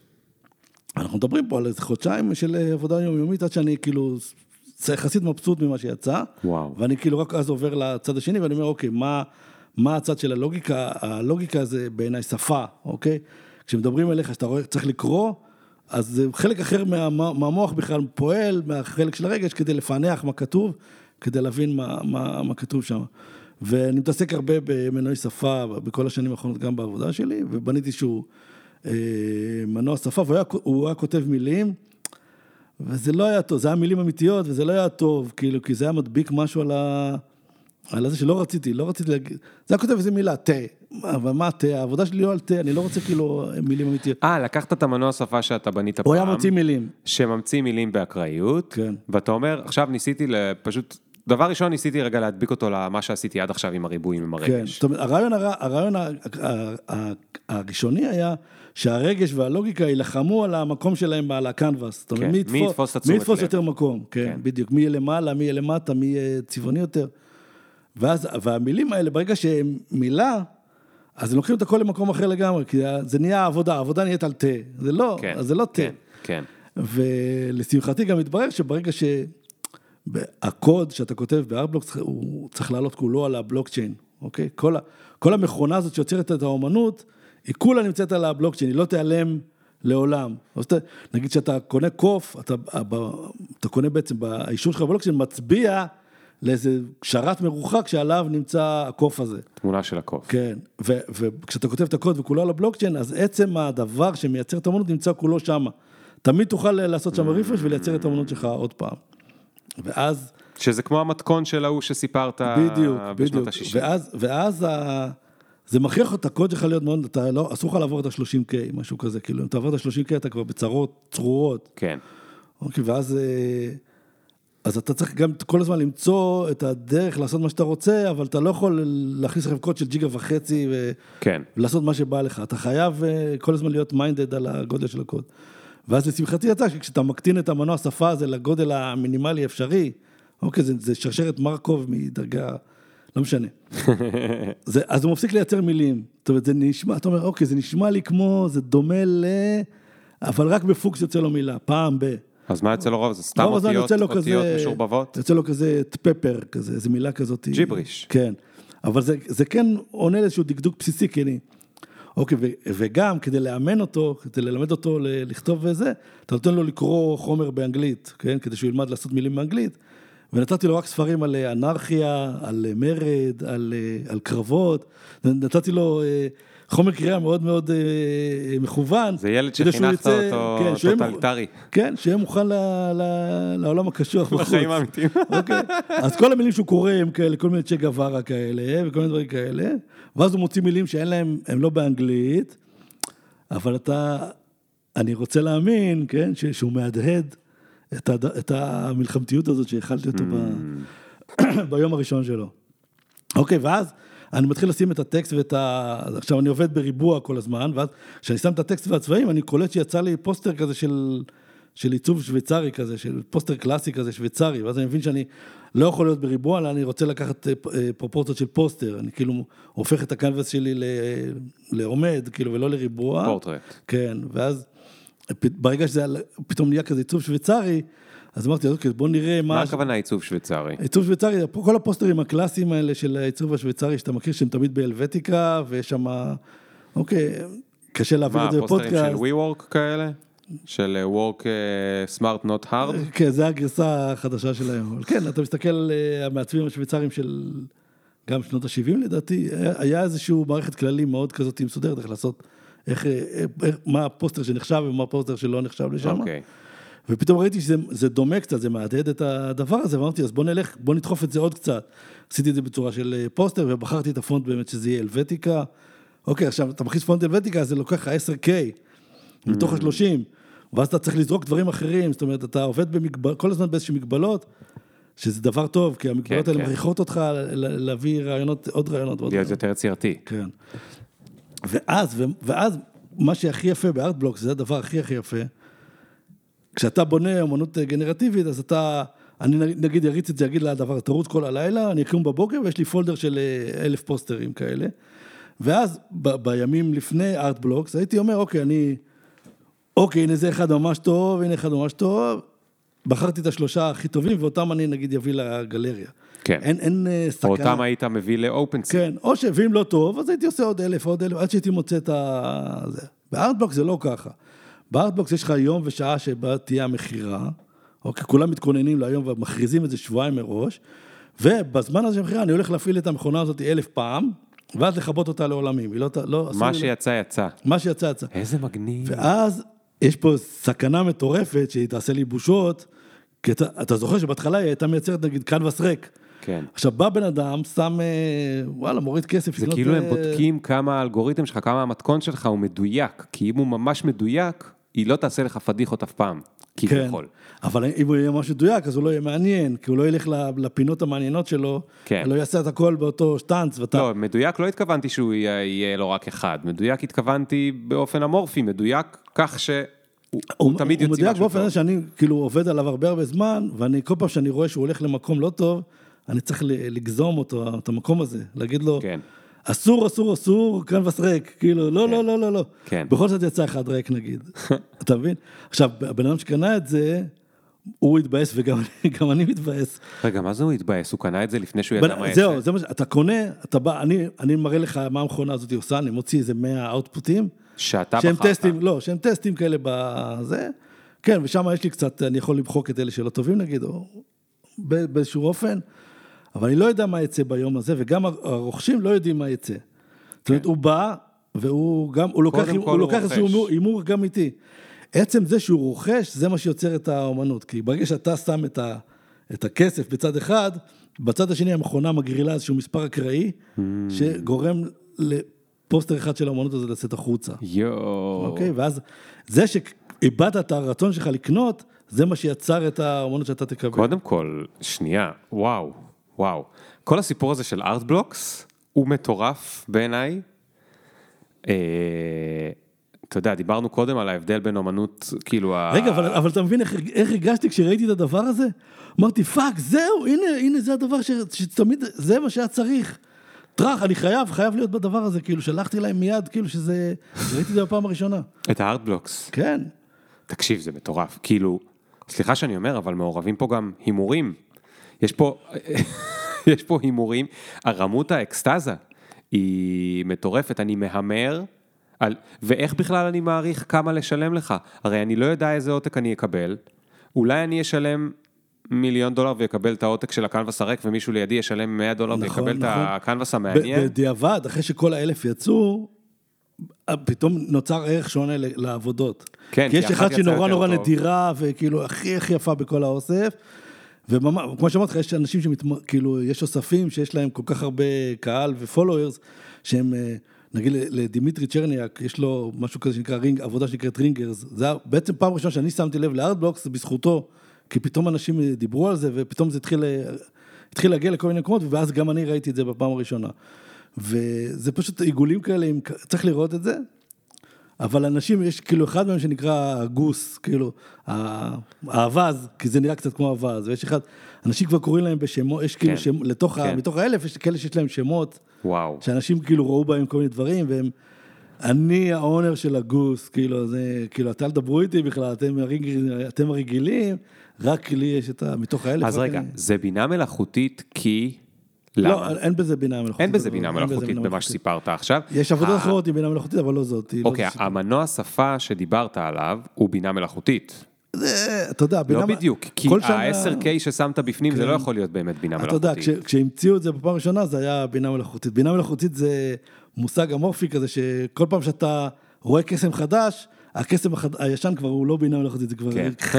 והחדש הוא, או, זה, זה הבינה המלאכותית. הבנתי, הבנתי. אוקיי, אז בזמנים של, של מנועי של GPT-3, של מנועי שפה מטורפים, כן. זה שרשרת מרקוב, זה קונספט של אבל. עדיין יש שם אה, אלגוריתם שגורם לזה שכל פעם תצא תמונה אחרת, ולגמרי אחרת, זאת אומרת, יכולות לשאת עכשיו אותיות אחרות שמזכירות משהו, ופעם אחת המילה תזכיר את המילה ריבליאס, ופעם אחרת זה יצא באמת ג'יברי שלא כן, מזכיר שום נגיד מישהו אמר לי, דבר. תשמע, קניתי, הוא קנה, קנה אחד, ש- פה, לחברה שלו קוראים לינדה, ולאחד מהם כתוב לינדה, על אחד מהתמונות כתוב לינדה. וואו. סתם, יצא לינדה, אני לא יודע, ולחברה כן. שלו, הוא קנה את זה לחברה שלו, הוא אמר לי, כן. לחברה שלי קוראים לינדה. אז רגע, אז אתה מכרת אלף כאלה על ארטבלוקס, כן. והיו אלף קונים באותו זמן לאלף מהחתיכות, או ש... היה יותר, יותר מאלף קונים, כן, כן. וואו. הם, אה, זה מכירה פומבית, זאת אומרת, זה, כן. אז זאת אומרת, הם מכירים כבר אותך כאמן, לא יודע, אמן הם- מה הם אומרים? הם קודם כל הם מכירים, הם מה השם את- של זה? הם קודם כל אמן הם מכירים את... אה, NFT, הם אמן ארטבלוקס, אמן גנרטיבי. לפני, לפני שהם מכירים אותי, הם מכירים את הפלטפורמה ואת הרעיון. אוקיי? כן. כן. יש הרבה אנשים שנמצאים שם כי הם מאוד מאוד אוהבים את הרעיון, את הזה, וסומכים על הוועדה הזאת שהיא אה, תכניס כן. לדלת הזאת רק אנשים. אז פה כל החלק של השיווק ושל בניית הקהילה נחסך ממני, זכיתי בדבר הזה, כן. כי יש שם כבר קהילה. מטורפת, מדהימה. לא רק הגייטקיפר, יש אנשים שמאוד אוהבים את הדבר הזה ומחכים, וגם המכניקה הזאת של הקנייה, שהיא מאוד מאוד מרגשת, כמו שאתה תיארת, מחכים למכירה, זה שלוש, שלוש או ארבע מכירות בשבוע, והם מחכים לראות מה, what's going to drop, אה, בכל העולם יש סך הכל 3-4 בשבוע. בארטבלוקס. כן. לא, בארטבלוקס, עזוב רגע NFT, יש, כן, בארטבלוקס. יש עוד אתרים במכניקה הזאת, אבל ארטבלוקס הוא ה... כמה פעמים אתה עשית שם מכירה? פעמיים. אה, פעמיים. כן, כל פעם כזאת אלף. בן כבר עשה את המכירה השלישית, בן שדיברנו ואת כל האלף. קנו. הן לא תמיד נמכרות, היה לי, היה לי, אני רוצה להגיד שיש לי כישרון אה, אדיר וזה, ובגלל זה מכרתי את הכל בשעה. אבל יש כאלה ש, שנשארות גם שבועיים, שלוש וחודש ולא נמכרות. כן. כי לא כל האוסף נמכר. ותגיד, מותר לשאול בכמה נמכרת הכי... לא, לא, אסור לשאול. אה, אסור לשאול, אוקיי, אוקיי. אבל לא שלך, אז של אמן אחר שאתה יכול לציין את שמו. בוא, בוא, בוא ניקח את הזה. בן אדם אה, היה אה, CPO בחברה של אה, בינה מלאכותית. אוקיי, הבן אדם הזה זה אתה. סמנכ"ל מוצר, כן. עזב את אה, משכורת ההייטק שלו, ובכל זאת הוא מאוד רגוע לגבי הפרנסה, אז אה, תעשה כן. את החישובים שלך. אוקיי. לא, לא אכפת לי החישובים שלי לגביך. לא? אני, בעד שאני שואל, עזוב, האמן המצליח ב Art Blocks, לא אתה. אני לא רוצה להיכנס לך לכיס, אני באמת מנסה להבין אם הם בסוף נמכרים בשני דולר, או שזה הופך לא, להיות לא, אומנות כמו אומנות שהיא... האוסף של דימיטרי צ'רניאק, ה Ringers, הם נמכרים במיליוני דולרים. אה, אוסף בשם Fidenza, שהוא ממש, הוא כאילו ה Holy Grail של האמנות הגנרטיבית החדשה. אנשים קנו אותו במקור, במכירה הראשונה שזה היה, לפני שהבינו מה הולך פה, אנשים קנו את זה ב-0.1 איתריום, ועכשיו זה נמכר בפי אלף, פי- מיליוני דולרים, אה, וואו, עבודות אה, וואו. שנמכרות. אז עכשיו יש לי שאלה. החבר'ה שקונים את זה, זה מה שמעניין אותי. כי החבר'ה שקונים את הקופים, אני יכול לדמיין מי הם, באמת, סליחה שאני אומר על הזין שלהם איך נראה קוף, לא אכפת להם. זה לא, באמת סליחה שאני מדבר ככה, אבל לא אכפת להם איך נראה קוף. זה מעניין להם את התחת. פה יש חבר'ה שנשמעים לי שהם הרבה יותר אוהבי אומנות, בפוטנציאל, מאשר אוהבי הייפ. אבל קודם כל זה נכון בכלל? שאלה טובה, אני לא, לא יודע להגיד לך. כי, כי, כי יש- זה הרבה יש יותר מסובך, כאלה- יש הרבה ביניהם- יותר מסובך להסביר ערך של אה, שני ריבועים עם אה, זה, מערך של אה, קוף, שמסביבו יש אנשי שיווק שיודעים להסביר טוב מאוד איך כן. משהו שווה משהו, גם אם הוא לא שווה, כי הם אנשי שיווק. ועושים לזה אתרים מגניבים, ויש משחקים, וראיתי שיש, עכשיו יכטות שהקופים האלה יכולים לקפוץ עליהם, נוסעים על יכט, לא יודע, כאילו, זה הכל נהיה שם מאוד אה, עממי, קל להבנה, לזה אני מתכוון. ופה יש איזה, זה, זה סוג של אליטה, כדי שמישהו יעריך אומנות שנעשתה בעזרת מחשב ואלף ממנה, והוא לא ידע איזה, איזה עותק, הוא ישים כסף, הוא לא ידע עוד איזה עותק הוא בכלל קיבל, והוא ישים כבר עליה כסף. זה רמת תחכום מאוד מאוד גבוהה. יש הרבה באמת שמחכים שכל האוסף יצא, ואז הם מחליטים, הם קונים אותו ביד שנייה, כאילו ממישהו שכבר קנה. כן. לא, לא, זאת אומרת, הם לא מקבלים את האקראי, אלא הם, הם אומרים, בוחרים, אחרי שהוא קיבל את האקראי, אני אחליט אם אני רוצה והם לקנות יודעים ממנו. אבל שיכול להיות שהם ישלמו כבר יותר כסף, כן, אה, כי כן. כי הם רוצים אחד ספציפי. כן. אה, יש פה שאלה של מה האחוז של האנשים המתוחכמים האלה שאתה אומר, ומה האחוז של ה... אמרת זה אליטיסטי, אז מגניב, אז אני רוצה, אז הנה יש לי שיטה להיות אליטיסט בשנייה.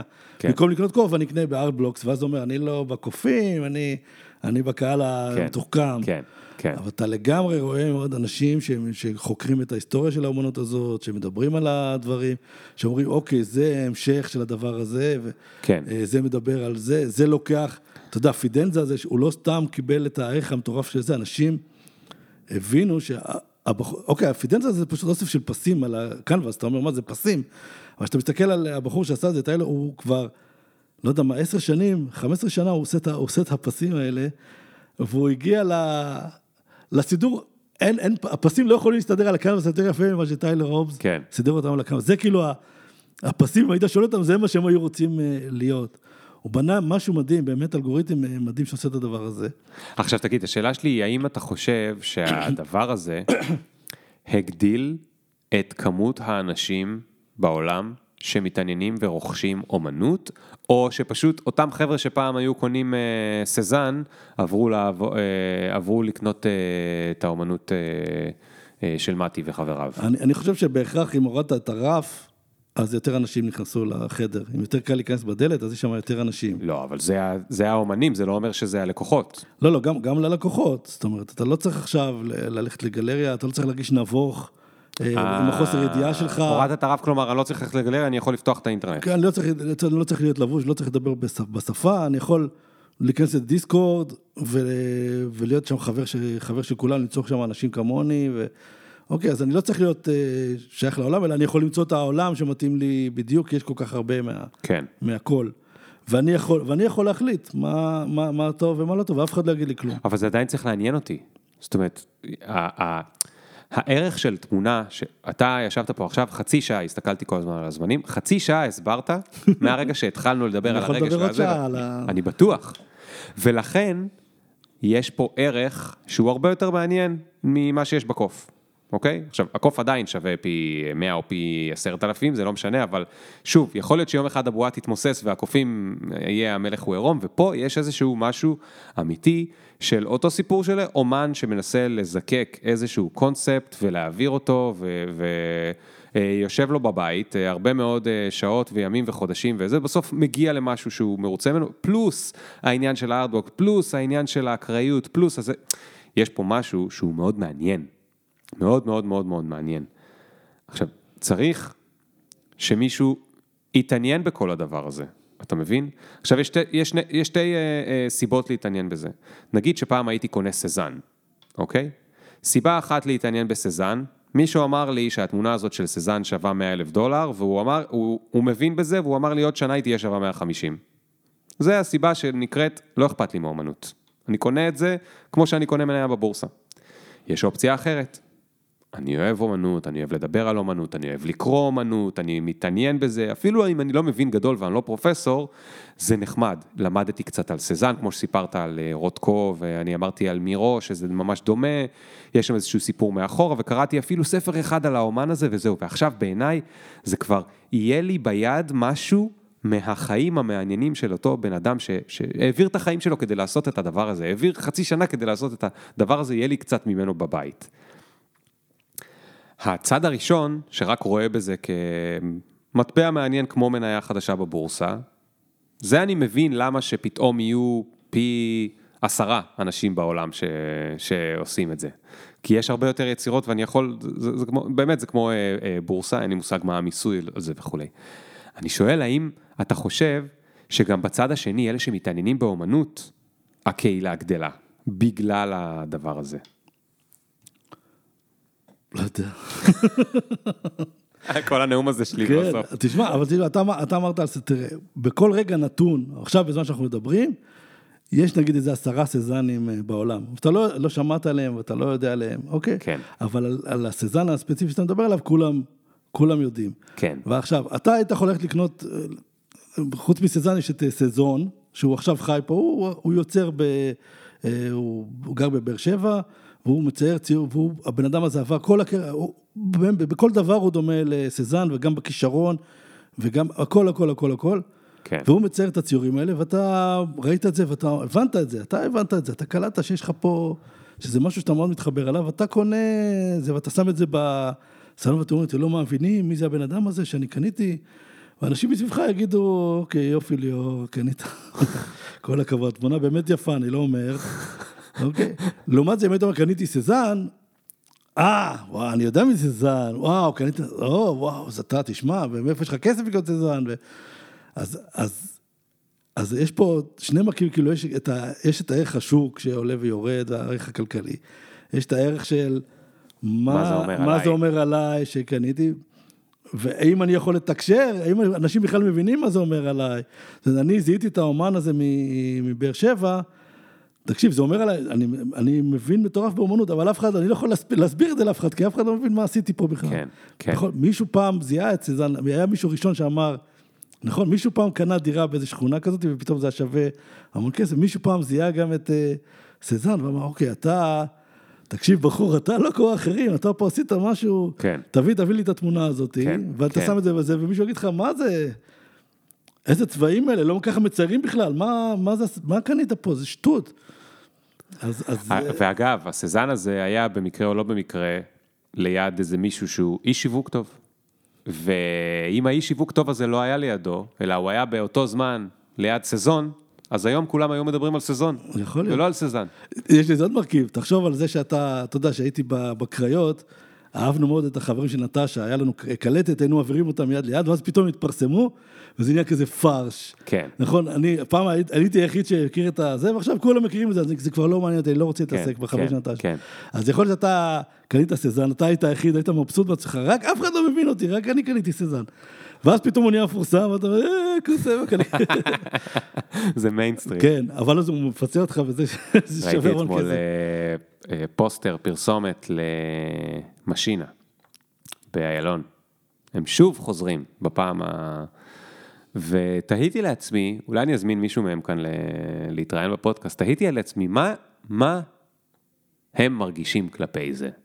זאת אומרת, האם הם אומרים, אה, אין לי כוח, אבל אני חייב את זה בשביל הכסף, כאילו לא יצרתי שום דבר טוב מאז שנות התשעים המוקדמות, וכולם הבינו את זה ומוכנים לשלם לי רק כדי שאני אתאחד עוד פעם, כדי לעשות להם את השירים של שנות התשעים המוקדמות, או שהם אומרים, וואו, איזה מדהים, יצרנו משהו שהוא כל כך על-זמני, שגם 30 שנה אחר כך, אנשים הולכים למלא כאילו איזשהו אמפי כדי לשמוע את הדבר הזה. ועניין אותי מה- הם חושבים בראש. ואני אעשה איזה קצת סגווי לשאלה הבאה שלי אליך. מתי בעוד 10 שנים או 20 שנה, יוצא לך אי פעם לחשוב על זה? איפה אתה תהיה או מה אתה תעשה, או האם הדבר הזה הספציפי נגיד שאתה עכשיו מתעסק בו יהיה בכלל סוסטיינבילי? אני, מי שמכיר אותי יודע שאני לא בן אדם שמתכנן, אה, אני לא, אני כאילו תמיד מתעצבן, אתה פותח סטארט-אפ חדש, אומר, תביא אקסל, שנראה כמה אתה הולך להרוויח אה, עוד שלוש שנים מהדבר הזה. זה מטריף אותי, מאיפה אתה יודע, העולם מתהפך בשלוש שנים האלה עשר פעמים. מאיפה, מה, מה הטעם בכלל בתרגיל הזה, של להגיד עוד שלוש שנים אה, אני ארוויח מיליארד דולר, שאתה, אבל, אבל מתי, יש לך משפחה, כמה ילדים? שניים, ברוך שניים. יש לך משפחה, שני ילדים. אתה מתישהו כן צריך, אה, כאילו, האחריות לא... אז תשמע, חיכיתי 20 שנה עם הדבר הזה. תן לי את לא, הקרדיט. חס וחלילה, עכשיו אני מפרגן לך מאוד, אני אומר, לפחות שנה, שלוש, חמש, יש לך, אתה תוכל גם להתפרנס מזה בכבוד, ואולי אפילו ממש אה, זה, אני, מצביע בעד. אבל האם יש לך מחשבות על... אה, זאת אומרת, בר, ברגע שאתה אמרת, זהו, אני מפסיק להיות Chief Product בחברה, חברת הייטק אה, כזו ואחרת, ואני הופך להיות אומן, עד כמה חשבת בראש, that's it, ועד כמה אמרת, זהו, זה ההרפתקה הנוכחית ואני לא יודע מה יהיה אחר כך. אני אגיד לך למה זה, למה יש בזה הרבה that's it, כי נורא נורא קשה, יהיה לי קשה לחזור חזרה ל... למצב נכון, הקודם. נכון, בגלל זה אני. שואל. ואני חושב, גם כשאתה אומר על משינה, אני גם חושב על זה. זאת אומרת, יש לך פה חבר'ה שבבסיס העניין, הוא מאוד, אוהבים לנגן ולשיר, מאוד אוהבים להיות על במה וכאילו, ושהם מרימים להם, ויש להם גם מזל שהחומר הזה עדיין אה, אה, מחזיק מעמד, ואני חושב שהם מאוד מאושרים מהדבר הזה, שהם פשוט יכולים, שלא צריכים לחזור, הם לא צריכים, אה, הם יכולים עדיין לעשות הופעה, ולשלם את החודשית או את השנתית שלהם, אה, זה, והם לא צריכים עכשיו לחזור. הם לא צריכים ללכת, לא יודע מה, להיות אה, רוקח בסופר פארם או משהו כזה, כן, הם יכולים לא, להמשיך לעשות את הדבר הזה. אבל יכול להיות שמה שהם היו רוצים זה להמשיך ליצור דברים חדשים שגם אותם יעריכו. אתה יודע, אף אחד לא עוצר אותם מלעשות את זה. אה, אה, לא, אבל יכול... כן, טוב, אנחנו לא ננתח פה כי אני לא מבין בזה כלום ואני לא רוצה סתם להגיד, אבל אני מדבר עליך, מתי. אם מחר היצירות שלך יצליחו בטירוף, סתם מעניין אותי, אישית, ואתה במקרה פה, אז אני אשאל אותך. היצירות שלך יצליחו בטירוף, טפו טפו טפו, אוקיי, אני מאחל לך. יהיו שוות אין סוף בשבילך.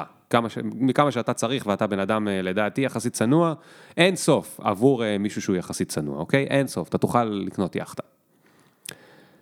יעניין אותך להמשיך ליצור עוד, או שאתה תגיד, איזה יופי. אתה מבין, אני הגעתי, הגעתי לקצה של הדבר הזה, ולגמרי. כי, כי אם היית שואל אותי לפני שנה, היית אומר לי, תשמע, עשית את האקסיט המטורף, וגמרנו, זה מה אתה רוצה לעשות עכשיו? הייתי אומר לך, תן לי רק לשבת, לכתוב אה, קוד ולעשות אה, אומנות, זה מה שאני רוצה לעשות שאני אפרוש. אה, הבנתי.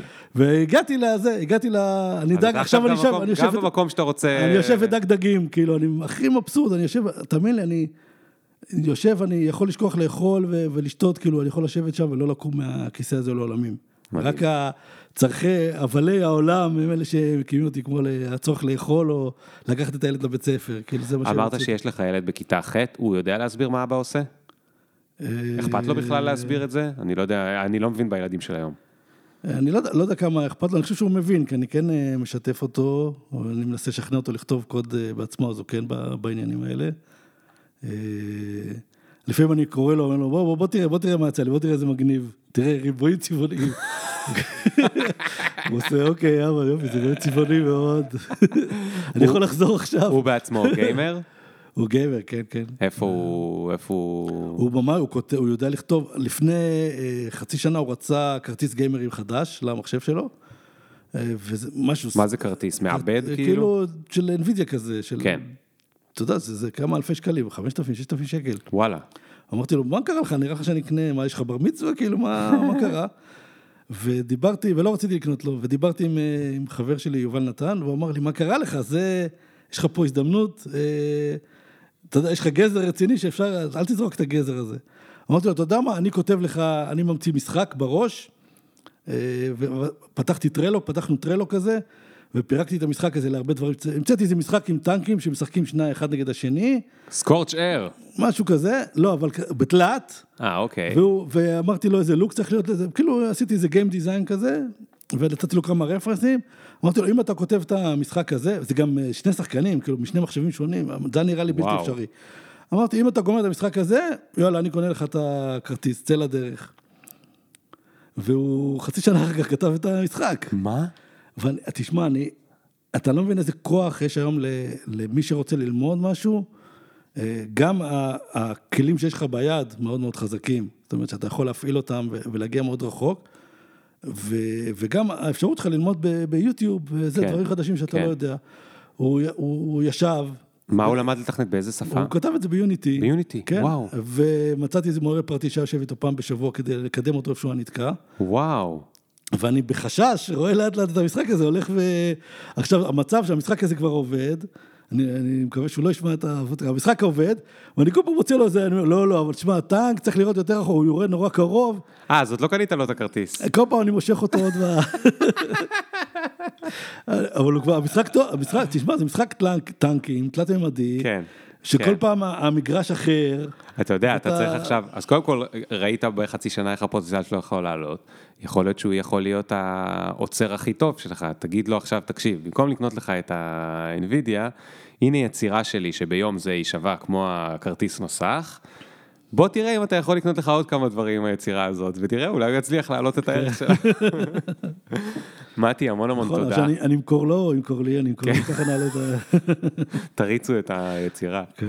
היה לי מאוד מאוד מעניין. אה, אין ספק שאתה באחד המובילים פה בפודקאסט שאמרתי לך קודם, גיליתי שהוא מ-2016, אני לא זכרתי שזה כל כך הרבה זמן, זה כבר שש כל שנים. הכבוד על ההתמדה. אה, ובאמת, אתה היית פה ב-2018, היה פרק 88, עכשיו זה פרק 241 או 2, אני חושב. אה, וללא ספק אתה נכנס לטופ 10 של המקצועות הכי מעניינים של העולם החדש. אה, פסטיבל המקצועות. אני לא חושב שהסברנו כאן אה, how to, וגם אני לא בטוח שאנחנו, אה, שאנחנו ממליצים או לא ממליצים, אבל אני, אני חושב שהדבר המדהים, בסוף, אם אני מזקק דבר אחד שהוא מדהים בכל הסיפור הזה, זה העניין שסיפרת, שמסוף שנות ה-90 עניין אותך לבוא ולעשות את האומנות הדיגיטלית הזאת, ואיכשהו יצא במקרה או לא במקרה, שאשכרה חיברו את זה לכסף, וזה מדהים. אני, לא, אני חושב שדיברנו על זה בפודקאסט הראשון, על איזשהו כנס שהייתי בו בניו יורק, שכל האנשים בכנס זה מה שהם עשו, אתה זוכר? ששם פגשת אמרו- את אשתך? לא, כבר אז זה היה כשנולד לי הילד הראשון, אה. ואשתי פרגנה לי ושלחה אותי ל- אוקיי, לכנס הזה אוקיי. בניו יורק. וכל האנשים שם עשו כל מיני דברים אה, משונים ומטופשים כאלה, אבל פשוט עשו אותם ושמו את זה ביוטיוב או או זה, ופשוט המשיכו לעשות את הדבר הזה, ובסוף זה, זה הצליח, אם אתה זוכר, היה שם איזה מישהו ש... אה, הם, הם בנו וילון כזה, היה להם וילון קטן לחלון ראווה שלהם, והם פשוט, כל מי שבא, מציץ להם לתוך החלון, הווילון הזה זז אה, ימינה ושמאלה כדי להסתיר לו, תמיד הווילון היה מסתיר לו. זה קשקוש כזה מטופש, ואז זה, זה פתאום הגיע לאיזה מקום, והם התחילו להציג אה, עבודות, כאילו זה הכל מה, מהדבר ה... אבל זה מישהו שהעלה איזה וידאו מטופש, ומובי, של אז, מובי ראה את זה, והזמין אותו לעשות את כל הוידאו של ההופעה בזכות כן, הדבר כן. הזה. ואמרתי, תראה איזה, אנשים פשוט עשו את הדבר שהם אוהבים, ולא שאלו אף אחד, ולא אמרו, אני לא, לא אכפת לי אם אתה אוהב את זה או לא אוהב את זה, אני אוהב את זה, אז אני עושה את זה. כן. ואז אתה יודע, זה לפעמים לוקח 20 שנה, מדהים, וזה, מדהים. הגל הזה בסוף אה, תופס אותך. איזה כיף, איזה כיף. טוב, אז אה, זהו, אז תודה, תודה על כל, ה- על תודה כל. השיתוף ידע הזה ושלמדנו והבנו קצת יותר טוב מה זה NFT ומה זה העולם הזה. תודה באופן אישי, אני אומר לך, מאוד, מאוד. אני לא ידעתי לאן השיחה הזו הולכת, ולמרות שאנחנו חברים בפייסבוק ואני אוהב את הקבוצה שלך, אני לא עקבתי בשנה, שנתיים האחרונות. אני ראיתי מדי פעם שהעלית ציורים, לא עקבתי, לא נכנסתי, לא קראתי לעומק, ואתה נתת לי היום... אה, אה, זווית הרבה יותר מעניינת ממה שאני הכרתי על ה-NFTs. אני הכרתי רק את האייפס ואת כל הבולשיט, ו... בטח מחר יבוא לי מישהו אחר שיגיד לי, אני רוצה לבוא, לספר לך למה זה לא בולשיט, אבל בסדר, לא חשוב, אפשר לדבר על... אה, אה, לא, אני אוהב פיננסים, אז זה עניין יותר פיננסי מאומנות. אה, זה מאוד עניין אותי, כל האומנות, גם האומנות הגנרטיבית וגם הסיפור על איך אתה חי את החיים האלה. אה, ואני חושב שזה באמת הדור הבא של אה, אומנות, מה ששמענו היום, זה מאוד כן, מעניין. אתה יודע, לא דיברנו על זה שאין NFT, אה, האומנות, זה התחיל מאומנות, כי האומנות זה פשוט ה-use case שמתלבש הכי טוב לעניין הזה. אבל כל כך, כל כך הרבה דברים הולכים להיפטר, כן, ולא דיברנו על ה... וואי, אני חייב לספר עוד משהו, עוד סיפור אחד. אני אשמח. אני אשמח. כשאתה מוכר אומנות ב-NFT, אתה מוכר את זה דרך משהו שנקרא חוזה חכם, ובחוזה הזה כתוב שכל פעם שמישהו ממשיך למכור את האומנות שלי הלאה, אני תמיד מקבל 10% מהעסקה. וואלה, זאת אומרת, תחשוב אם ואן גוך היה ממשיך לקבל 10% מכל פעם שה... כן, זה, כן, זה היה משנה כן. את, את הגורל שלו. אוקיי, כי את המכירה הזאת מנהל החוזה הזה ולא זה, והוא תמיד דוחף את הדבר הזה, שאני אמשיך לקבל 10% מה... כן. ואז, תחשוב על החוויה של זה, אף אחד לא מספר לי, מצלצל אליי ואומר לי, מחר אני הולך למכור תמונה שלך למישהו, אני אפילו לא יודע מי קנה את זה, אני לא יודע מי... ואני, כל מה שאני יכול לעשות זה לבוא בבוקר, נגיד לעשות רפרש, ואני רואה שבארנק שלי יש יותר כסף ממה שהיה שם קודם, אני אפילו לא יודע למה, אני צריך לחקור ולחפש מה קרה, מאיפה הגיע הכסף הזה בדיוק. אתה לא יכול להסתכל בפנקס איפה נמצאת עכשיו התמונה? אבל אתה צריך ממש לחקור, אתה צריך לחפש את זה ולהבין מי זה, מה קרה. ותחשוב את זה מול החוויה של אה, אומן רגיל שהולך לגלריה, וההוא מצלצל ואומר, תשמע, מכרנו עבודה שלך, כן, אה, אז טוב, והאומן, אוקיי, ואיפה הכסף? כן. אתה תתקשר, אתה יודע, תתקשר לציפי מעלת חשבונות, והיא תגיד לך, אתה יודע, לא מילאת, לא יודע, 106, לא. תשלח לי את ה-106, או. שהדבר היותר עקרוני זה שהוא אומר לו, מכר את העבודה שלך באלף דולר, אל תשאל, זה מדהים, זה מדהים, זה מדהים, שהוא כבר יודע שהוא מכר את זה, ב... יכול כן. מחר למכור את זה בעשרת אלפים על אוקיי. חשבון האומן, והאומן לא יראה מזה יותר שקל. והחוויה הזאת היא כל כך מתמצתת את, ה, את העולם הזה שהקריפטו מבטיח לנו, שמאוד מאוד קשה לחזור מזה חזרה לבירוקרטיה. אין בירוקרטיה פה, אין פה, זה, זה פשוט, מה שאמרו שיקרה, זה בדיוק מה שקרה. וכשזה קרה, הכסף, אף אחד לא שאל שאלות, אף אחד לא כן. אמר, אני משלם שוטף פלוס אה, זה, כן. זה החוקים, כן. כולם עבדו פיקס לפי, לפי החוקים האלה, ואתה פשוט באת, ואפילו לא, לא סיפרו לך אפילו, אתה אפילו לא שאלת. כן. זה פשוט הגיע לשם. ומי שתואם את החוויה הזאת של האפס בירוקרטיה ואת השקיפות הזאת, לא, לא יחזור חזרה. ואז אתה מבין, אתה, כשקורה כזה דבר, אתה מבין שהמסה הקריטית הזאת של אנשים שמתעסקים בזה לא הגיעה משום מקום, כן, ושהם לא מתכוונים ללכת לשום מקום גם, כי, כי זה, הם לא יחזרו חזרה כבר אחרי הדבר הזה. ממש.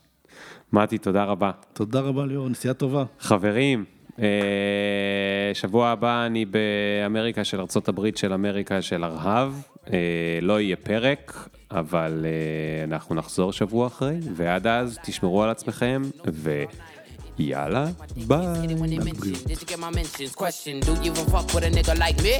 Will you want me in about three days? Really? IDC, cause every time a nigga talk, they KC. The big up picture, fuck your filter, me can't go run, but me can't repeat. Nah. No.